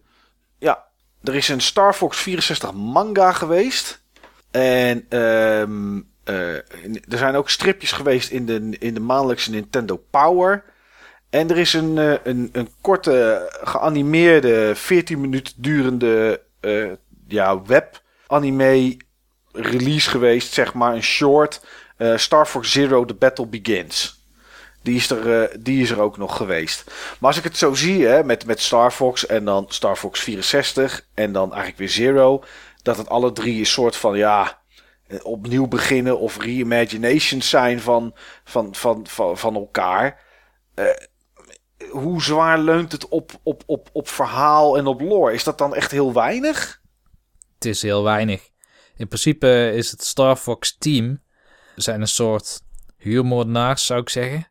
Ja, Of in ieder geval, ehm, Het Star, het Star Fox team. Nee hoor, dat is. eh, je moet het zo zien, dat zijn eh, eigenlijk gewoon Nintendo-versie van de Thunderbirds. Is dat het, ja? Het is niet zoals eh, bij, ehm, eh, bij Sly Raccoon. Dat het zeg maar... ja, dat is ook het team. En het zijn ook handlangers, alleen dan aan de slechte kant. Maar zoals, zoals jij het zegt, eh, Steve, zijn het de good guys. En eh, zoals Niels het zegt, is het een soort Suicide Squad. volgens mij zijn ze neutraal en worden ze ingeschakeld door het leger. General Pepper is zeg maar die hond. Ja, Die is van het leger van Canaria. En die huurt het Star Fox team in om Andros te verslaan. Als je Star Fox 64 uitspeelt, dan krijg je ook zo'n rekening van hoeveel schade het team heeft gedaan. En dat moet, en dat, en dat dat moet gaat dan betaald worden door die Pepper. Ja. Ja, maar het zijn wel. Het zijn, het zijn wel huurlingen die altijd aan de kant van de good guys eh vechten. Ja, oké, het zijn geen huurmoordenaars, maar het zijn meer huur... Het is een soort DA-team dan. Het is een soort DA-team, denk ik. Ja. ja, ja, dat is een goeie. Maar, eh, die deden alles gratis. Ja. Ja, alleen als je ze kon vinden. Ja. Als je kon vinden, inderdaad. Ja. Ja, maar misschien dat die, Dus die personages ook wel een beetje over, overeenkomen. Misschien dat eh, Slippy dat dat een soort eh, Murdoch is. En eh, Falco is dan misschien eh, de BA. Ik weet het niet. Nou, in ieder geval, eh, Miyamoto die had het zeg maar verzonnen als antwoord op dingen als Thunderbirds en, en action serials. Hij zag dit als een soort van Nintendo action serial. Oké. Hm. Ja, er zijn natuurlijk wel een heleboel wikipagina's die heel diep erop ingaan. Volgens Eh, mij, eh, de, de achtergrond staat gewoon in de handleiding. Er staan een paar regels per karakter, wat hun Ja. verhaal is.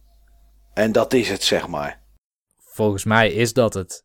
Je hebt ook nog zo'n varken Pikma, die heeft schijnbaar ooit samengevlogen met, die, met zijn Zijn vader, vader. en met die Peppy. En die zit dan in 64 bij het team van Star Wolf.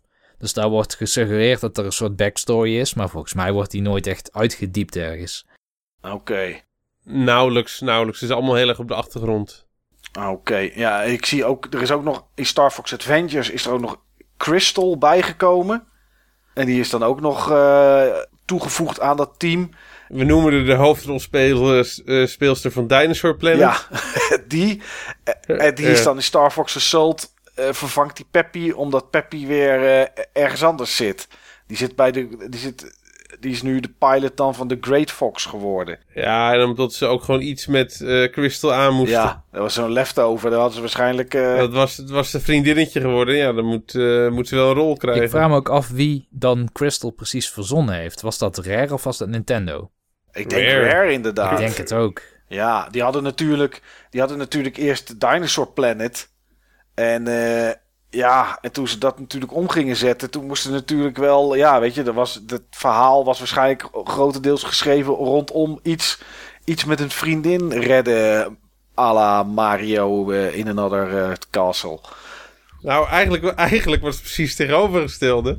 Die Crystal was gewoon de heldin van Dinosaur Is Planet. dat zo? Dat kan ik me helemaal niet meer Ja. herinneren, joh. Ja, dus eh, die Crystal, dat was zeg maar juist de heldin. En opeens was het leidend voorwerp geworden. Oké.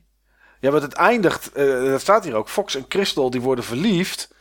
eh, voor, de, voor de laatste, voor de, voor, de, voor de eindbaas, waar Fox haar dan weer redt. Dus het eindigt wel met dat Fox haar redt. Maar ja, ik, ik, kan, ik kan me alleen van Star Fox Adventures nu toch... We hebben het er net natuurlijk al even stiekem over in de Game Talk... wat dan niet bij het hoofdonderwerp of scheen te horen. Ehm, ik kan me van die game, wat ik zei, vooral herinneren dat het, dat het heel kleurrijk was. En, en dat er elke keer moves bij kwamen. En dat Fox inderdaad met een soort van stok rondliep. En dat het laatste gevecht, dat was wel een soort ouderwetse Star Fox, toch? Dat was wel met een... Met een Ik ben daar nog niet, hè? Oh, Ik kon me er werkelijk waar niets van Het herinneren. spel begint wel met eh, dat, dat je Crystal bent op een soort... Ik weet niet meer of het een vogel was of een... Of, nee, het was zo'n Pteranodons dinosaurus waarschijnlijk. tuurlijk. En dat je dan... pterodactyl, ja. Ja, oh die. Die bedoel ik. En, en dat je dan achter een soort vliegend schip eh, vliegt met piraten erop. En dat schip dat schiet met vier kanonnen en die moet je dan in Star Fox-stijl eraf schieten. En dan enter je het schip daarna. Oké. Nou, daar wist ik niks meer van. Ja, nee, het, het, de, de allerlaatste baas, dat is wel zeg maar à la, à la Star Fox gameplay. Dus met eh, barrel rolls en, eh, en, en, en ja, vliegen en schieten inderdaad. Dus die, eh, d- daar zit dan nog wel iets, iets, iets getrouws in voor de, voor de, voor de fans. Ja, en wanneer je tussen die werelddelen reist, moet je ook met je R-Wing... moet je door drie van die gouden ringen vliegen. Oh, en op een of andere manier gaat er dan een schild open of zo. Oh, dus daar zat het. eh, dat kan ik me dan niet meer, eh, niet meer herinneren, inderdaad. Ja, wat ik nou al een paar keer wou zeggen, ik kon echt helemaal niks meer herinneren van, eh, van die game. Er zijn weinig spellen die ik gespeeld heb, die echt zo, zo vreselijk weggezakt waren als deze game. Ja, apart is dat, hè? Terwijl, terwijl Ja. tijdens spelen had je het waarschijnlijk best wel. Tenminste, neem ik aan, was het toch wel leuk. Ja, op een gegeven moment was ik, vond ik het wel eentonig, dat wist ik dan nog, qua gameplay. Ja. Maar Die combat, die is nou niet echt ehm, ja, top-notch. Maar ik, ik vond het echt een leuk en mooi spel. En ik wist er niets meer van. Die werelden, nul herinneringen. Bazen, nul herinneringen. Dat er vliegsecties in zitten, ik wist het niet eens Nou, ik wist meer. het alleen van de eindbaas. Maar wat Niels Ja, zegt, dat het ook zo klein- begint. dat, kleine, eh, dat kleine dinosaurusje wat met je meeloopt. Nou, ik had hem verdrongen. Ik wist hem ook niet meer. Ik wist er niets meer van. Het enige wat ik kon herinneren was gewoon zeg maar ehm, de graphics. En inderdaad die crystal. Oké. En eh, nou, ik, eh, ik heb echt zelden gehad eh, dat ik zeg maar met jullie nu deze podcast eh, doe. Dat ik het over een game ga hebben die ik vroeger gespeeld heb. Waar ik toch echt best wel wat uurtjes in heb zitten. Want het is geen kleine nee, game. zeker niet. En waar ik zo weinig van wist. Ga- gek is dat, hè? Ja, heeft je toch geen indruk gemaakt. Nou, dat weet ik niet, want ik weet heel weinig nog van Banjo-Kazooie. Behalve dat het heel veel indruk heeft gemaakt. Oké. Ja, nee, ik, ik, ik ook. Weet je, ik heb, eh, nou, ik heb het al vaker in de podcast gezegd. Dit is nog steeds een game die ik nog steeds een keertje eh, wil kopen weer voor de Cube.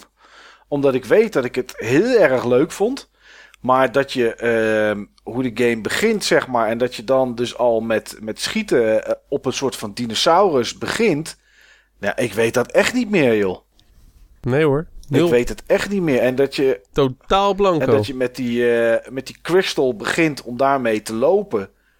Eh, dat, dat, dat dat het begin is van de game, weet ik ook niet meer. Ik weet nog, het enige wat ik nog weet is Star Fox met zijn, met zijn staf. En dat het water koel was. En eh, ja, dat het er kleurrijk uitzag, vond ik in ieder geval. En al die, eh, die, die, die triceratopsen die overal liggen. Die herinner je je toch wel? ja, die, die dino's die liggen te slapen of zo. Of die dood zijn, of ik weet niet wat ze er doen. Ja, van alles. De ene keer liggen ze te slapen, de andere keer dan zitten ze vast aan kettingen en dan moet je ze bevrijden. Ja, dat, nou, dat, is, dat zijn kettingen en bevrijden, dat nu jij het erover hebt, zeg maar. En, en dat je heel vaak terugging naar het begin, ja, je beginding als een soort van hub om dan weer de andere kant op te kunnen. Ja, Ja. dat, weet ik, dat weet ik dan ook nog wel. Maar ja, daar houdt het wel echt, echt bij op ook inderdaad. En dat is, dat is wel vreemd. Maar goed, nou is mijn geheugen sowieso niet het allerbeste wat er is hoor. Dus het, het, zegt misschien voor de rest niks. Maar als jij dat ook hebt, Steve, ja, dan, eh, dat, dan heeft die game destijds iets goeds gedaan, maar niet iets wat heel erg is blijven hangen, inderdaad. Ze, zou, die, zou er nog zo'n Star Fox Adventure, zou dat nog een keer in trek komen, denken jullie? Of zouden ze als ze een nieuwe Star Fox maken voor de NX of wat dan ook, zou het gewoon Star Fox zoals het nu is, zoals bij Zero en eh, bij eh, de, de eerste en de 64 moeten zijn? Of zouden jullie het ook wel goed vinden als ze, als ze weer eens een, Star Fox Adventures 2 zouden maken? Ik denk eigenlijk dat uh, het heel erg afhangt van wie dat dan gaat doen. Oké. Want als je nu kijkt naar, uh, het is niet alleen Star Fox, maar als je kijkt naar wat Miyamoto de laatste tijd aan het doen is, dan lijkt het wel alsof hij van plan is af te treden, maar nog heel even een paar puntjes op de i wil zetten. Of een keer een game uit het verleden nog een keer goed opnieuw wil doen of zo. En Star Fox Zero is daar één ding van. Ja. Een voorbeeld. Uh, de Paper Mario franchise leek hij zich op een bepaalde manier mee te bemoeien dat het ook terug moest naar een bepaalde route. Wat heel raar is, want het lijkt helemaal niet meer tegenwoordig op wat het ooit was. Nee. Maar ik denk dat het dan dat het door een ander team gemaakt moet worden. Het, als Retro Studios het doet bijvoorbeeld, Ja. dan heb ik er veel vertrouwen in. Die zouden dat zo kunnen. Ja. Ja, die zouden daar wel een mooie, mooi iets van kunnen maken, inderdaad. Maar intern in Nintendo zie ik het niet gebeuren. Nee. En Rare gaat het sowieso niet meer doen. Nee, die mogen dat niet meer, denk ik. Nee. Maar het Rare van nu is ook niet meer het Rare wat dit gemaakt heeft. Nee, zeker niet. Ja, we zullen het zien zodra die, uh, die piratentitel uitkomt die ze nu aan het maken zijn voor de Xbox One. Maar ja, er zijn natuurlijk al een hoop, uh, een hoop weg die uh, natuurlijk nu Yakalele aan het maken zijn. Als, als indie game. Daar heb ik meer vertrouwen in. Ja, als je kijkt naar het oude Rare, dan denk ik inderdaad wel dat dat, dat, dat meer... dat dat ja, dat is meer, komt meer op zijn, goed, op zijn pootjes terecht, denk ik inderdaad. Um, ja, jongens, is er nog iets dat je denkt dat moet ik toch nog even gezegd hebben voordat we deze uitzending afsluiten? Iets dat je denkt, potverdorie, dit wil ik nog kwijt over Star Fox? Uh, ja, ik heb wel iets. Oké. Okay. Ik heb een, uh, een post gemaakt een tijdje terug op een, op een heel groot forum. Toen maakte ik een vergelijking die is blijven hangen blijkbaar bij mensen en die vaak is overgenomen. Ik, ik trok de vergelijking tussen Star Fox Zero en House of the Dead Overkill. Oh, die voor de Wii. Die on-rail shooter, of niet? Ja, die is later ook nog naar de PlayStation 3 gepoord. Ja. Met, met Move. Maar um, dat vond ik eenzelfde soort game. Tenminste, een game die hetzelfde probeerde. Met een IP um, iets nieuws mee te doen. Wat goed kan vallen of niet. En uh, kijk, House of the Dead Overkill was iets minder arcade. Het ging iets minder over die, al die stats, zeg maar. Met hoe je uh, de zombies van je af wist te schieten. Ja. Het was iets meer narratiever. En uh, Zero is denk ik ook wel zo'n game die veel kritiek krijgt, maar die straks toch wordt gezien als een van de beste games uit de serie. Ja, denk je dat hij dat, hij dat echt kan, kan Over bereiken? een paar jaar. Jawel, jawel. Als okay. mensen niet meer geschokt zijn over, over wat voor control scheme eraan zit. Ja. Maar dat het echt over de game gaat. Hmm. Demon's Souls kreeg ook heel veel kritiek dat het moeilijk was. Dat is ook een goed voorbeeld. Ja, en moet eens kijken wat daar... Uh... En tegenwoordig is, het, tegenwoordig is de grootste pool op die serie waarom mensen het zo fantastisch vinden. Ja, nou ja, daar zeg je wel iets, uh, Steve. Ik bedoel, uh, dat vonden inderdaad mensen heel moeilijk en sloeg nergens op. En ik ken ze nog hoor, die dat zeggen. Het van ja, het slaat helemaal nergens op wat die game-reeks doet. Maar kijk naar Dark Souls 3 uiteindelijk voortgekomen uit. Dat is van Nemco de best verkochte game volgens mij in de eerste week of zo die ze ooit gehad hebben. Ja. Dat zegt wel een hele, een hele hoop inderdaad. Op een gegeven moment is straks het stof gedaald. Ja. En dan uh, wordt de game gezien voor wat hij is. In plaats van wat hij niet is. Nou ja, goed. Uh, we gaan het zien Niels over, een, over een tijd. Kijken wat, daar, wat, daarmee, wat daarmee gebeurt. Nou goed, ik moet toch eerlijk zeggen... Ik, ik heb ook nog wel oh. iets wat ik wil nou, zeggen. kom maar op, Steve. Ik ben heel benieuwd uh, naar de mening uh, van de echte Star Fox fans die we op ons forum hebben. Nou, ik niet. Over onze kijk op deze, uh, op deze serie. Ik word vergruist, denk ik.